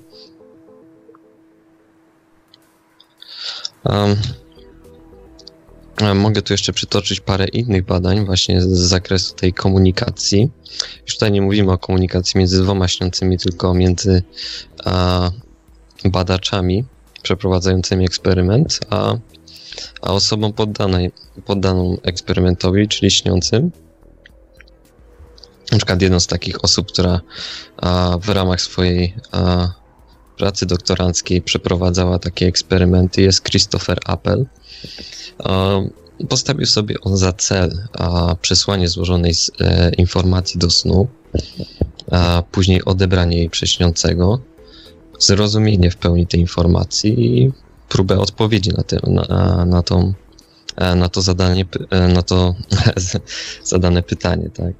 A początkowo przeprowadził warunki w, a, przepraszam, przeprowadził badania w war- warunkach domowych, a ponownie wykorzystał do tego o, urządzenie, o którym już wspomniałem, ZEO.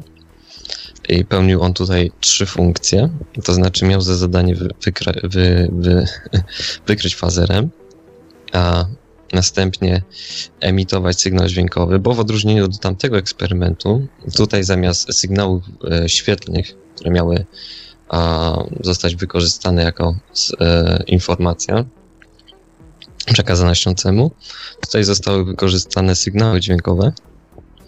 A, No i jeszcze trzecim elementem, a trzecim, trzecią funkcją, które pełniło to urządzenie był detektor ruchów oczu, czyli a, sposób komunikacji śniącego z otoczeniem.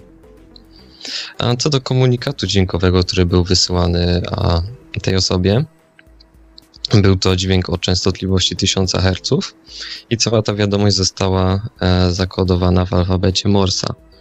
A tą informacją, jaka została wysłana śniącemu, były proste zadania matematyczne, a to jest no, proste zadania dodawania i odejmowania. A odpowiedź też od śniącego miała zostać zapisana w alfabecie Morsa, z tą różnicą, że tak jak już wcześniej wspomniałem, ruch gałek ocznych w lewo oznaczał krótki sygnał, a ruch gałek ocznych w prawo oznaczał długi sygnał. Prawdopodobnie powiedziałem to na odwrót, ale to nie ma teraz znaczenia. E, tak to było akurat w przypadku tego eksperymentu. E, no i Christopher Appel e, zbadał to w warunkach domowych. No, jego pierwsze rezultaty nie były imponujące. Zarejestrował 23 sny, w tym 4 z tych snów były świadome. I jedynie w dwóch snach z tych czterech świadomych e, za, zaszła bezpośrednia inkorporacja bodźca, czyli ten bodziec został przeniesiony do snu w takim stopniu, że mógł zostać odczytany przez śniącego. No i na te dwie, a, na dwie, dwie sytuacje, kiedy śniący odczytał informację, tylko raz udało się rozwiązać zadanie, a drugi raz uniemożliwiła mu a, pobudka. No, w takim razie a, ten eksperyment nie przyniósł takich rezultatów, jaki, a, jakich można było się spodziewać. E, następnie powtórzył to badanie w laboratorium. A, do, do wykonania tego badania zostało zaproszonych pięciu osób, pięć osób, które miały różne doświadczenie ze świadomym snem. Udało się łącznie zebrać 30 snów, w czym w sześciu snach zaszła bezpośrednia inkorporacja bodźca. No i cóż, a wyniki okazały się jeszcze gorsze niż w przypadku poprzedniej próby, gdyż tylko raz udało się odczytać informację. To prawie udało się odczytać informację. Naj, najprawdopodobniej była to błędna informacja. No, niestety a, nie udało się na nią odpowiedzieć, ponieważ a, śniący stracił w tym momencie świadomość. A, no i różne mogły być przyczyny tego, że, że Christopherowi nie udało się uzyskać a, w tym badaniu oczekiwanych rezultatów.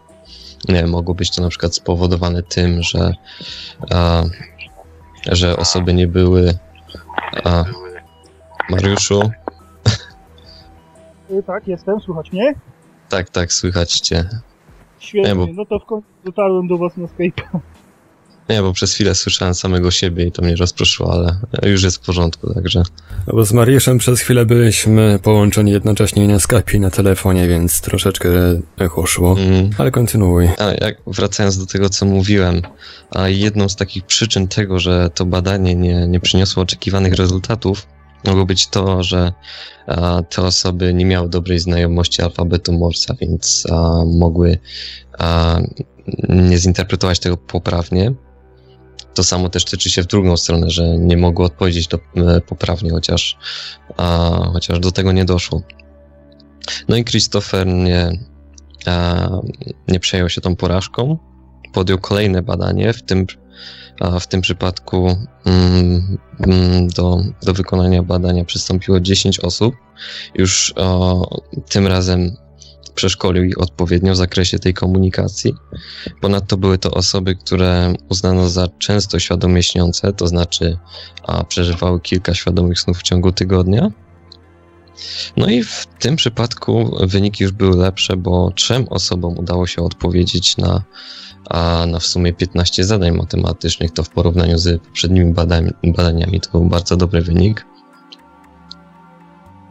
No, czyli możemy zauważyć, że ten rodzaj komunikacji jest możliwy, tylko niestety jest on ograniczony tym, w jaki sposób badacz może się komunikować ze śniącym, bo o ile śniący jest w stanie przekazać konkretną informację, jest pewne, że, że elektrokulogram wychwyci ruchy gałek ocznych i wychwyci je ze stuprocentową dokładnością. Tutaj nie ma mowy o jakiejkolwiek błędach Jednym błędem może być to, w jaki sposób śniący zakoduje informacje, czy zrobi to poprawnie. Natomiast badacz o, tutaj nie ma pewności, że bodziec, który wyśle do śniącego, przejdzie do snu, a jeśli przejdzie, to czy przejdzie on w takiej formie, że śniący będzie w stanie móc go odczytać, więc no, może w przyszłości ta technologia doczeka się rozwinięcia i tak jak wspomniałem, będzie możliwa stuprocentowa komunikacja ze śniącym bez żadnych tam ubytków informacji, a, czy, czy możliwości niepełnego zinterpretowania tej informacji.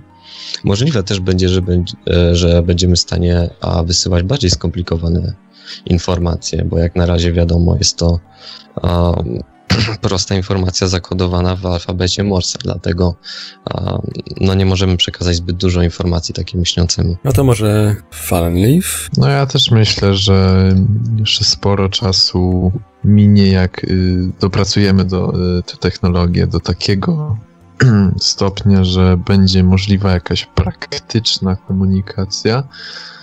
A może znajdziemy też inne drogi tej komunikacji. Może odnajdziemy jakieś e, choćby mm, czy to y, łatwe sposoby komunikacji, przy, roz, interpretacji komunikatów przez aktywność mózgu, bądź też dalej będziemy bazować na ruchach gałek ocznych.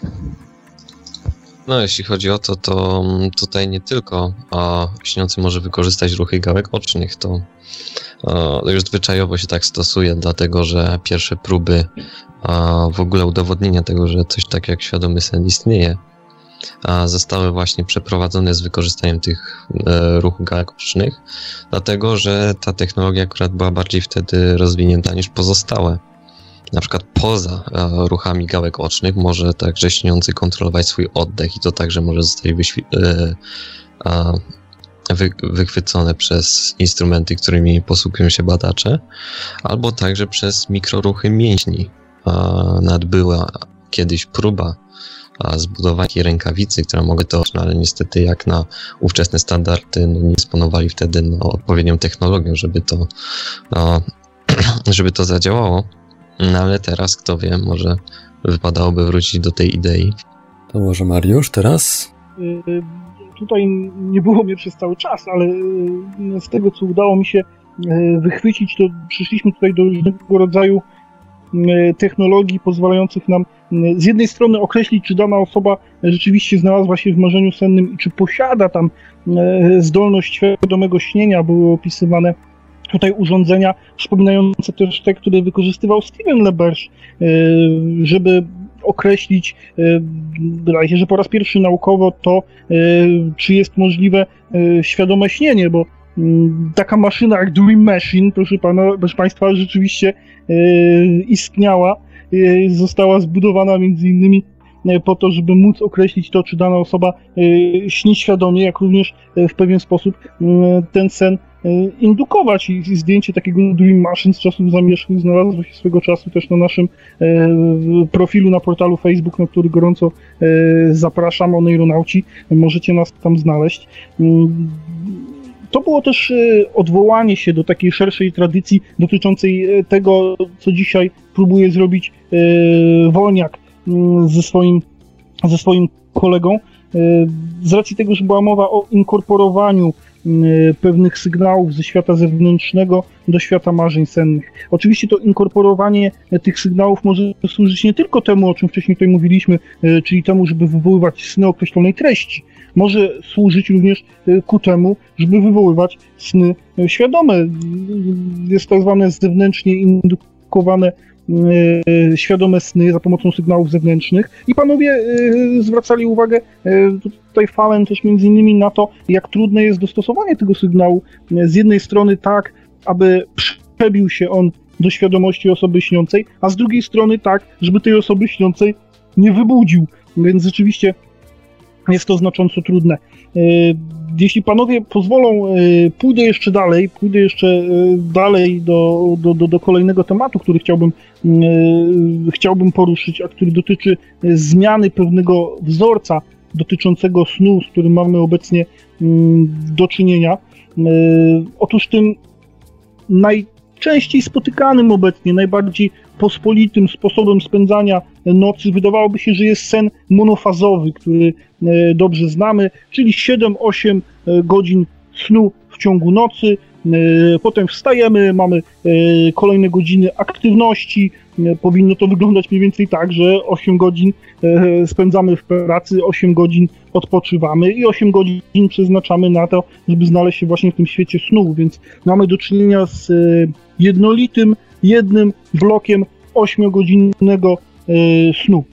W rzeczywistości jednak badania wskazują na to, że e, odchodzimy od tego schematu snu monofazowego, e, czego sam myślę jestem w, pewnym sensie przykładem i może koledzy również zauważają te tendencje. Jeśli mówimy tutaj o tym, co czeka nas w przyszłości, jeśli chodzi o sen, to myślę, że jest to między innymi zmiana sposobu, w jaki spędzamy ten czas, zmiana sposobu, w jaki śpimy, naukowcy zwracają uwagę na to, że mamy coraz częściej do czynienia z tak zwanym snem dwufazowym, mm, czyli jakieś 4-5 godzin e, snu w ciągu nocy, plus kolejne kilka godzin snu bądź drzemki w ciągu dnia. Coraz częściej dostrzegamy taki schemat, że spędzamy coraz więcej czasu nocą, będąc aktywnymi, późno kładziemy się spać, krótko śpimy, jednak organizm domaga się jakiejś swojej dawki snu, dlatego jeszcze później w ciągu dnia odsypiamy e, określony e, odcinek czasu. Najczęściej jest tak, że śpimy te kilka godzin w nocy, idziemy do pracy, po pracy wracamy i jeszcze kładziemy się odsypiając kilka godzin snu, więc ten wzorzec snu się zmienia. Swego czasu dla, dla naszych rodziców, naszych dziadków, to raczej tak nie, nie wyglądało, że jeszcze spało się w ciągu dnia. Y, monofazowy, jednolity blok 7-8 godzin i później aktywność. W chwili obecnej wydaje się, że dzielimy sobie sen na takie dwie części po 4 godziny, 5 godzin, kiedy odsypiamy sobie jeszcze mm, w ciągu dnia. Taką ciekawostką, która się pojawia, nie wiem na ile będzie miała wpływ na to, co dzieje się z naszym sposobem, w jaki śnimy, w jaki sposób będzie się to rozwijało w przyszłości, ale biorąc pod uwagę tendencję rozbijania jednolitego monofazowego snu na kilka faz, być może dwie fazy e, to też pewien początek. Przyjdziemy do tego, co było w przyszłości e, jeszcze bardziej nam dostępne, czyli do snu polifazowego. Coraz więcej mówi się o snu poli, o śnie polifazowym, czyli o śnie dzielonym na bardzo krótkie odcinki czasu, kiedy śnimy tak naprawdę E, dwie godziny, dwie godziny aktywności, znowu poświęcamy jakiś e, czas na sen. Dla naszych przodków e, takich bardzo odległych e, ewolucyjnie. Było to o tyle ważne, że ciężko było im poświęcić długi, jednolity blok czasu, na przykład 8 godzin na to, żeby być całkowicie pozbawionymi aktywności, ze względu na te zagrożenia, e, które e, istniały w świecie e, ludzi, którzy spędzali większość czasu podtrzymując ogień e, w ogniskach i spędzając czas w jaskiniach, kiedy mogli zostać zaatakowani przez dzikie zwierzęta, więc rzeczywiście pozwalali sobie tylko na krótkie odcinki snu, które były wykorzystywane e, kilka razy w ciągu dnia i tak mieliśmy do czynienia z tym snem wielofazowym, polifazowym. W chwili obecnej, kiedy już dzielimy ten blok, e, tak jak wskazują na to badania, ten monofazowy blok 7-8 godzin snu na takie dwie części e, w nocy i jeszcze jakiegoś odcinka snu w dzień, być może tendencją będzie taką, że znowu wrócimy do tego snu podzielonego na kilka bloków, do tego snu polifazowego. Co panowie o tym myślicie? To znaczy, czy a sen polifazowy w przyszłości wyprze ten monofazowy, tak? Tak, tak. Jak, jak myślicie, czy, czy jest taka tendencja, czy zauważacie na przykład tą tendencję do, dwufazowości snu, bo ja ją zauważam. U mnie jest tak, że rzeczywiście w nocy spędzam jakieś 4-5 godzin na śnie, e, po czym wracam, e, po czym wstaję, udaję się do pracy, wykonuję swoją pracę zawodową, wracam i jeszcze sobie od razu kładę się do łóżka i odsypiam jeszcze kilka godzin, po czym znowu jestem aktywny, więc jestem przedstawicielem rzeczywiście tego bloku takiego dwufazowego snu, więc czy zauważycie taką tendencję i czy myślicie, że sen polifazowy, który jakoś się teraz pojawia jeszcze jako ciekawostka, e, może e, w przyszłości e, zająć miejsce tego snu mono czy dwufazowego, albo czy widzicie jeszcze inny jakiś możliwy schemat e, tego, w jaki sposób e, będziemy spędzać e, czas w świecie sennym, oprócz tych, które wymieniłem. No wiesz, ja, ja w swoim otoczeniu nie spotkałem się w zasadzie z tym, żeby, żeby jakoś przewa przeważał sen polifazowy nad monofazowym. Raczej nie sądzę, że jest jakaś taka ta ogólna tendencja do tego. Nie wiem, ja, ja w pewnym okresie swojego życia spałem polifazowo, w takim samym sensie jak, jak ty właśnie powiedziałeś. To znaczy przed pójściem do szkoły spałem powiedzmy przez jakiś czas, na pewno mniej niż gdybym spał monofazowo, a następnie po przyjściu ze szkoły spałem tak przez kilka godzin, robiłem taką po prostu dłuższą drzemkę i funkcjonowałem normalnie przez jakiś czas, ale nie sądzę, żeby to była jakaś ogólna tendencja, to po prostu tak mi było wygodniej. Teraz śpię monofazowo i raczej nie planuję się przestawić na sen polifazowy. No, nie wiem jak to będzie, ale ogólnie nie odczuwam takiej potrzeby. A co mnie... kiedyś, e, no Bartek, No nie, no mów, dobra. czytałem kiedyś pseudonaukowy artykuł, jakoby miała postać e, pigułka, e, dzięki której w ogóle nie będziemy potrzebować spać, tak żeby więcej pracować, co już jest taką bardzo pejoratywną wizją, eliminującą w ogóle jakiekolwiek śnienie.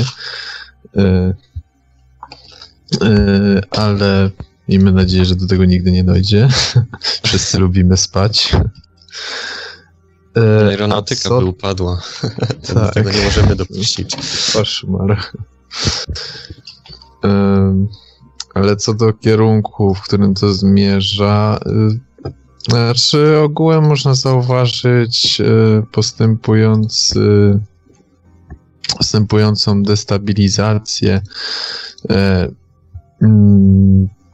zmniejszanie higieny snu, e, niestabilne godziny pracy, e, też długie godziny pracy, to wszystko wpływa na to, że ciężko z, ciężko zadbać o jakiś stabilny rytm snu, co niekoniecznie będzie go dzielić, bo można dalej spać monofazowo, ale nie będzie to taki sen efektywny, e,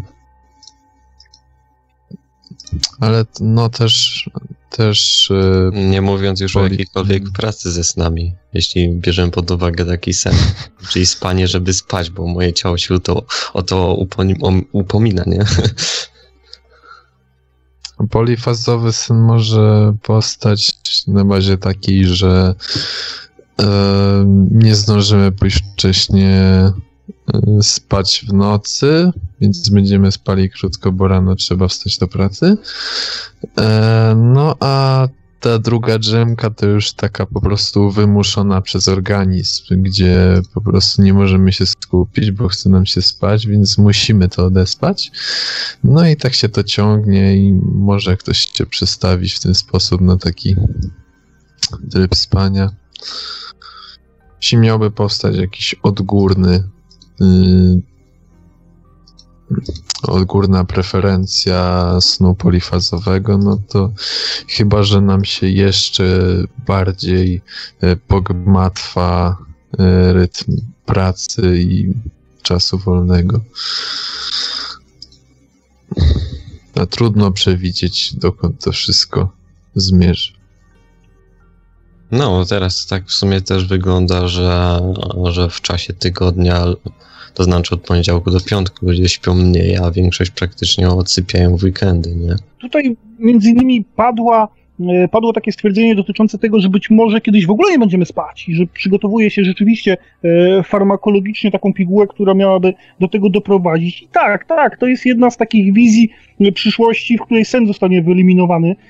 Niektórzy naukowcy, na przykład z DARPA, DARPA, czyli takiej amerykańskiej agencji rządowej, która zajmuje się rozwojem e, technologii wojskowych, e, pracują nad tym, żeby pozbawić, e, pozbawić nas snu. Oczywiście dotyczy to w tym przypadku żołnierzy i to łatwo zrozumieć dlaczego, tak? Żołnierz, który nie musi spać, wziąwszy jeszcze pod uwagę warunki poligonowe, kiedy znajduje się w ogniu walki, jest tym żołnierzem dużo bardziej efektywnym, tak? Ale pytanie, czy to się uda, czy rzeczywiście farmakologicznie możemy doprowadzić do tego, żeby e, nie spać. E, przez wiele lat na przestrzeni e, dziejów różnego rodzaju agencje rządowe prowadziły takie badania nad tym, jak doprowadzić do tego, żeby człowiek był aktywny przez dłuższy okres bez konieczności snu. Wszystkie środki stymulujące które są wykorzystywane do leczenia zaburzeń snu, zawdzięczamy tak naprawdę e, wojsku jako efekt tych badań, które były prowadzone nad stworzeniem takiego żołnierza niemalże doskonałego, a przynajmniej żołnierza, który nie będzie potrzebował spać. E, pochodne amfetaminy chociażby były stosowane już podczas wojny e, w Korei, metylofenidat, ten, który e, jest wykorzystywany w lekach na leczenie zespołu nadpobudliwości psychoruchowej z zaburzeniami koncentracji uwagi. Metylofenidat był wykorzystywany na żołnierzach podczas wojny w Wietnamie. E, modafinil, znowuż wojna w Zatoce Perskiej, więc wiele różnego rodzaju e, środków psychofarmakologicznych było stosowanych, żeby uczynić e, takiego idealnego żołnierza, mianowicie żołnierza, który nie będzie miał tych ludzkich słabości, a jedną z tych słabości e, uważano e, sen. Szczególnie interesowano się stymulowaniem tutaj pilotów, żeby mogli mniej spać. No ale w dalszym ciągu szybko i sprawnie się regenerować. I takie środki farmakologiczne działały, takie środki farmakologiczne działały, ale tylko przez kilkanaście dni czasem nawet kilka tygodni. I potem znacząco wzrastała, dramatycznie wzrastała liczba wypadków wśród tych osób, które, które nie spały. W związku z tym te próby, które były prowadzone, próby utrzymywania żołnierzy przez długi czas w stanie czuwania, zostały wstrzymane, przynajmniej oficjalnie już tego typu rzeczy się nie robi, ale co jakiś czas docierają do nas informacje medialne na temat tego, że żołnierzom E, przekazuje się różnego rodzaju środki e, chemiczne, chociażby narkotyki, nie w tym celu, żeby się dobrze zabawili, proszę Państwa, tylko w tym celu, żeby byli aktywni przez dłuższy czas, czyli żeby wyeliminować sen. E, obecnie wiadomo już, że możemy oczywiście tą potrzebę snu stłumić, to na długi nawet czas przy wykorzystywaniu farmakologii, ale krótkotrwale i później organizm domaga się jednak wyrównania tego niedoboru, więc wydaje mi się, że na dłuższą metę e, nie zostaniemy pozbawieni snu, natomiast byłbym e, byłbym, byłbym e, tutaj no, głupcem, gdybym twierdził, że wojsko nie będzie prowadziło nadal takich badań, albo że w chwili obecnej ich nie prowadzi, nad tym, co zrobić, e, żeby stworzyć tego żołnierza, który nie będzie potrzebował e, snu, ponieważ jest to rzeczywiście coś, e, coś co, co może się przydać panom, którzy, którzy lgną do wojenki. I wiem, że w chwili obecnej również na pewno różnego rodzaju środki e, są przekazywane, różnego rodzaju środki e, psychofarmakologiczne, które mają sprawić, że ten sen będzie krótszy i że ci żołnierze będą dużo bardziej aktywni. Mam tylko nadzieję, że e, nie czeka nas przyszłość, w której wszyscy będziemy w jakiś sposób częstowani chemią po to, żeby sami być bardziej aktywni, już nie jako żołnierze, ale na przykład jako pracownicy. W Japonii daje się na przykład pracownikom możliwość e, ucinania sobie drzemek e, w pracy, zdając sobie sprawę z tego, jakie to jest ważne. Jeśli w Japonii pracownik zasypia e, na swoim stanowisku przed klawiaturą, to uważa się to wręcz za, mm, za dobre, ponieważ on pokazuje, w jaki sposób poświęca się dla pracy, spędzając tam dużo czasu, nawet na tyle, że pozwala sobie tam w końcu zasnąć na pewno dla wielu osób pociągające byłoby to, żeby pozbawić e, nas konieczności śnienia, szczególnie dla tych, którzy snu nie rozumieją, dla tych, którzy e, różnią się od nas tutaj dzisiaj zgromadzonych e, na antenie Radia Paranormalium, którzy pasjonujemy się w jakiś sposób tą rzeczywistością marzeń sennych. Jeśli ktoś nie wie, do czego mogą nam służyć sny, nie wie, jak są ważne, nie wie, do czego można je wykorzystać, to uważa ten okres za okres bezczynności, za okres zupełnie niepotrzebny i wiele osób tak naprawdę dzisiaj też postrzega sen właśnie skrócając sobie mm, ten czas poświęcony na, e, na spanie, przedłużając tą aktywność e, w nocy i nie pozwalając sobie na regenerację, dlatego, że nie rozumieją, jaki sen jest ważny i nie rozumieją, jak można wykorzystywać e, sen do no, naprawdę różnych fajnych rzeczy, do, które my, do których my je wykorzystujemy. Więc mamy nadzieję, że ani DARPA, ani żadna inna agencja wojskowa e, nie wynajdzie takiego leku, który pozwoli nam rzeczywiście pozbyć się konieczności spania. A mm, jeszcze tak przy okazji tego wszystkiego, o czym mówiliśmy, to żeby zakończyć tą audycję, bo jak rozumiem, zbliżamy się już do końca czasu antenowego, tak? A wiesz co, powiem ci, że Radio Paranormalium nie ma czegoś takiego jak koniec czasu antenowego. Kiedy skończymy, wtedy skończymy. Możemy gadać do 6 rano. W porządku. Tak, może jeszcze wtrącę taką myśl, bo o, o, praktycznie teraz skupialiśmy się bardziej na takich a, przyziemnych sprawach, a jeśli by się zastanowić nad takim światem, powiedzmy teoretycznie, załóżmy, że w przyszłości a, każdy człowiek na Ziemi a, posiadłby umiejętność świadomego śnienia, że sen naprawdę stałby się naprawdę istotną częścią życia, a nie jak teraz, a traktujemy go dosyć powierzchownie, to jakby to mogło wpłynąć na nasze społeczeństwo. Zastanawiałem się nad tym, że a, moglibyśmy się stać trochę jak tacy zombie, którzy a, żyją praktycznie tylko po to, żeby spać i śnić. Że wtedy, kiedy zamykają oczy, wtedy a, zaczyna się ten prawdziwy świat, gdzie razem z innymi ludźmi, no zakładamy, że możliwość wspólnego śnienia jest możliwa, że wtedy razem z innymi ludźmi mogą o, razem realizować wszystkie ich, e, ich pragnienia. Także taka wizja świata też mnie trochę interesuje.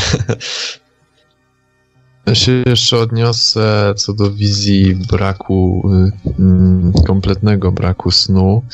Y, z tego, co Mariusz wspomniał, właśnie y, farmakologiczny E, za pomocą farmakologii możemy przedłużyć okres aktywności, no ale sen zawsze będzie się domagał i w wyniku odbicia po prostu zawsze mm, będzie to głębszy, dłuższy, po prostu wszystko się musi zrównać. Nie jest mi wiadome o środku, który eliminowałby potrzebę snu bez jakiejkolwiek potrzeby e, rekompensacji. Ale gdyby założyć, że e, powstał, powstałaby taka pigułka, która całkowicie e, eliminowałaby potrzebę snu, e, no to nie można zapominać, że sen jest ważny na poziomie, z którego e, mm, na poziomie, z którego nie zdajemy sobie sprawy. I no tak moim zdaniem nie jest możliwe przynajmniej teraz, przewidzieć, jakie skutki na przykład y, miał, miałoby dla nas y, mm, y, na przykład okres kilku lat bez żadnego śnienia, ani, ani snu NREM, ani REM. No, oczywiście mówię o skutkach dla psychiki, bo y, jeśli wyeliminowalibyśmy potrzebę snu, no to ciało by nie cierpiało, potrafiłoby się regenerować przez farmakologię, ale ciężko mi y, wyobrazić sobie środek, który mógłby tak dobrze, tak skutecznie jak sam sen układać e, w głowie, porządkować informacje, e, wzmacniać pamięć. Po prostu, mm, no wiadomo, że główną, główną funkcją snu jest e, konsolidacja pamięci. Bez niego mm, no nie moglibyśmy funkcjonować tak y, skutecznie, jak funkcjonujemy teraz. Należałoby o tym pamiętać, co też moim zdaniem, y, biorąc to wszystko pod uwagę, tym bardziej nie ma szans na powstanie przynajmniej w niedalekiej przyszłości takiej y, pigułki Falen, tylko, tylko błagam panowie, nie, nie patrzcie co tu się dzieje na czacie tekstowym na Skype'ie, bo audycja się rozwali. Że Mariusz, teraz? Tak, proszę Państwa, bo my w Radiu Paranormalium zawsze też dobrze się bawimy, y, starając się przekazywać Państwu y, swoją wiedzę i swoje też pewnego rodzaju Z naciskiem y, na doświadczenia. bawimy. Z naciskiem na bawimy, bo jest to świetna zabawa. Ja, proszę Państwa, zwrócę uwagę teraz na kolejny aspekt tego, mm, w jaki sposób wykorzystujemy sny w przyszłości, co jeszcze może nas w tej przyszłości czekać. Y, I to takiej przyszłości, która rozpoczyna się już dziś, bo powiem o czymś, ym, z czego w chwili obecnej każdy z nas może wykorzystać i zachęcę do takiego y, kombinowania, w jaki sposób mm, możemy jeszcze w to brnąć. Y, Mówię mianowicie o sztuce. O sztuce, która od zawsze była inspirowana y, w jakiś sposób z nami. Jedną z audycji w Radiu Paranormalium, którą y, prowadziliśmy w ciągu tych ostatnich dwóch lat, poświęciliśmy też inspiracji, jaką sny stanowią dla, rodzaju, dla różnego rodzaju sztuki, obrazów, filmów, muzyki. Jakiś czas temu, nie tak dawno, powstał taki izraelski startup y, o nazwie Dreamy. Y, Dreamy mm, służy łączeniu y, osób śniących, jak się ich tu pięknie nazywa na stronie dreamy, dreamy.me, łączeniu marzycieli, czyli tych osób śniących z artystami. Z artystami, którzy mieliby mm, tworzyć artystyczne wizje tego, co przyśniło się osobom śniącym. Y, Innymi słowy, mm, artyści tworzą wizualizacje marzeń sennych osób, które są chętne, aby te swoje marzenia w jakiś piękny sposób uwiecznić. Y, Strona Dreamy y, umożliwia łączenie marzycieli z wybranym artystą. Można wejść na stronę, zobaczyć w jaki sposób mm, tworzą swoje różnorodne dzieła artyści, którzy korzystają z tego projektu Dreamy, a następnie zlecić stworzenie na przykład obrazu z naszego marzenia sennego, y, które nam się przyśniło. W ten sposób, y, w taki innowacyjny sposób powstają dzieła inspirowane właśnie marzeniami sennymi, dzieła, które mogą być rysowane ołówkiem, mogą być tworzone w formie cyfrowej i tak nasze sny zostają raz, że uzyskują ciekawą formę, dwa, że dzięki przedstawieniu ich w taki sposób pojawiają się pewne e, nowe e, formy interpretacji tego marzenia sennego. W każdym razie e, do tej pory nikt nie wpadł na to, aby sny stanowiły taką globalną inspirację dla artystów i każdy z nas, aby mógł uzyskać taki artystyczne przedstawienie tego, co mu się śniło. Autorka tego, twórczyni tego startupu, startupu o nazwie Dreamy, pani Carney, Sharona Carney Cohen, korzystała m.in. z doświadczeń Pereca Lewiego, który jest autorem książki Czarowny Świat Snu i pracownikiem naukowym w Izraelu. Książkę Czarowny Świat Snu bardzo gorąco Państwu polecam. Więc wie co robi i bardzo poważnie podeszła tutaj do kwestii przedstawienia świata marzeń sennych za pomocą wyobrażeń y, artystycznych. Y, próbuje ująć te y, ramy takie dość konkretne, czy to obrazu, czy w inny sposób, surrealistyczne doświadczenia związane z naszymi marzeniami sennymi. Każdy z nas może tego spróbować. Zachęcam do tego, żeby wejść na stronę www.dreamy.me i tam zobaczyć, e, z czego możemy skorzystać i kto może przełożyć mm, na wizję artystyczną e, nasze sny. Koledzy, którzy są ze mną teraz na antenie radia, może również mają jakiś pomysł na to, jak wykorzystać marzenia senne w przyszłości właśnie do takiej działalności artystycznej, w jaki sposób można jeszcze to przetworzyć, aby te marzenia senne nie pozostawały jednak li tylko i wyłącznie dla nas, a jeśli już pozostają dla nas, to czy sami możemy je przekuć właśnie w jakąś taką formę artystyczną, żeby ten świat marzeń sennych zaczął znowu być ważny, bo ja mam wrażenie, że od jakiegoś czasu w naszym społeczeństwie jednak ten sen jest bardzo marginalizowany, nie zajmujemy się kwestią snu i śnienia, a taki pomysł jak startup Dreamy, e, prowadzi znowu do ożywienia zainteresowania e, tą bardzo niszową sferą, bo uważam ją jednak za dość ekskluzywną i za to towarzystwo, w którym się dzisiaj znalazłem też uważam za dość ekskluzywne i Państwa, jeśli nas słuchacie, no to wiedzcie, że też jesteście teraz w pewnego rodzaju niszy i w pewnego rodzaju elicie ludzi zainteresowanych snami. Także panowie, w jakim kierunku możemy jeszcze zmierzać, jeśli chodzi o wykorzystywanie marzeń sennych. No wiesz, w jakim kierunku zmierzać. No, trzeba najpierw zaznaczyć to, że to dzieje się już teraz, że jest sporo osób, które właśnie a, a, e, a, łączy swoją pracę artystyczną właśnie z, a, z wykorzystaniem tych sennych obrazów i to praktycznie działo się już od, od dłuższego czasu, tak.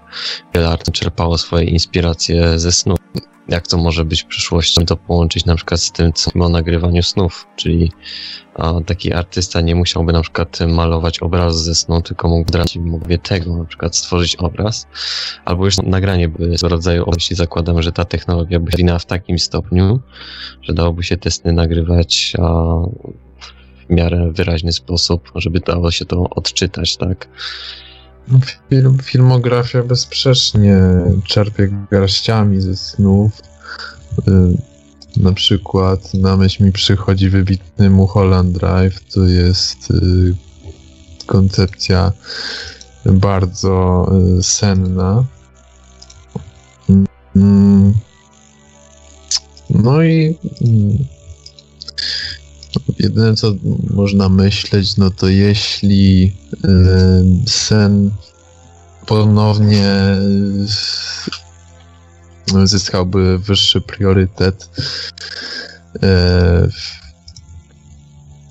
w życiu ludzi, a także mm, popkultury, no to dostalibyśmy więcej dzieł czerpiących ze, ze snu.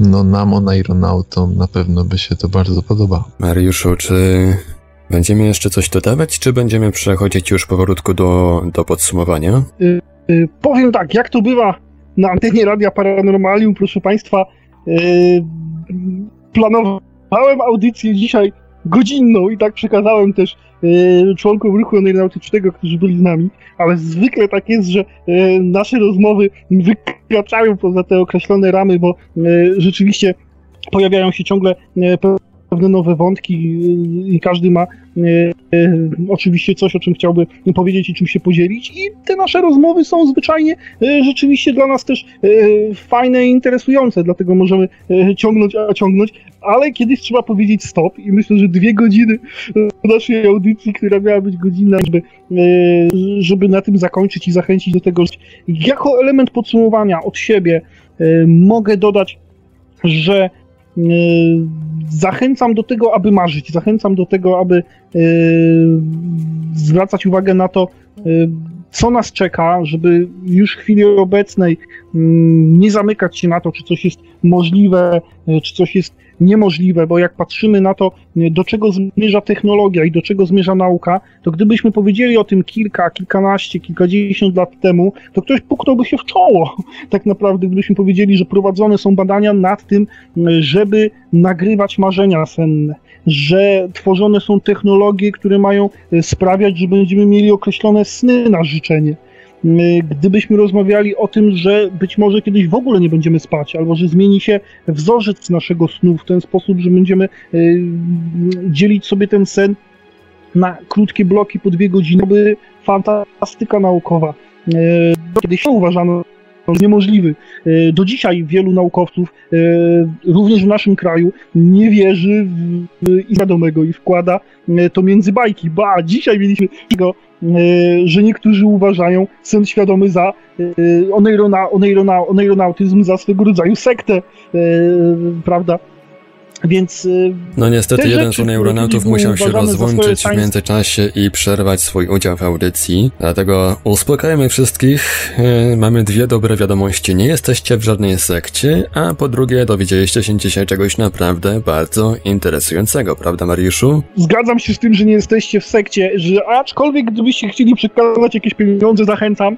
Numer konta zawsze podam. Oczywiście żartuję. E, natomiast e, rzeczywiście to e, podejście społeczeństwa do kwestii świadomego śnienia jest bardzo różne. Od tego, że mamy do czynienia z jakimiś bajkami i fantazy, po uważanie, że jesteśmy sektą, która zajmuje się czymś być może niebezpiecznym dla zdrowia. A z tego, co widzimy, naukowcy dzisiaj na poważnie zajmują się tym, co kiedyś na poważnie nie było traktowane, zajmują się czymś, co kiedyś było odkładane e, w sferę bajek. I ta sfera bajek spełnia się na naszych oczach i możemy doczekać się realizacji naszych marzeń. Miejmy nadzieję, że e, również waszych.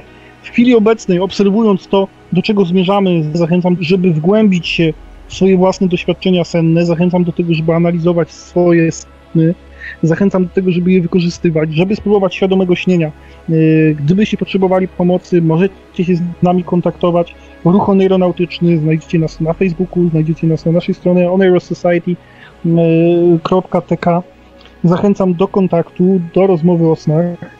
I zachęcam również do tego, żeby słuchać nas za tydzień, prawdopodobnie w czwartek o 20.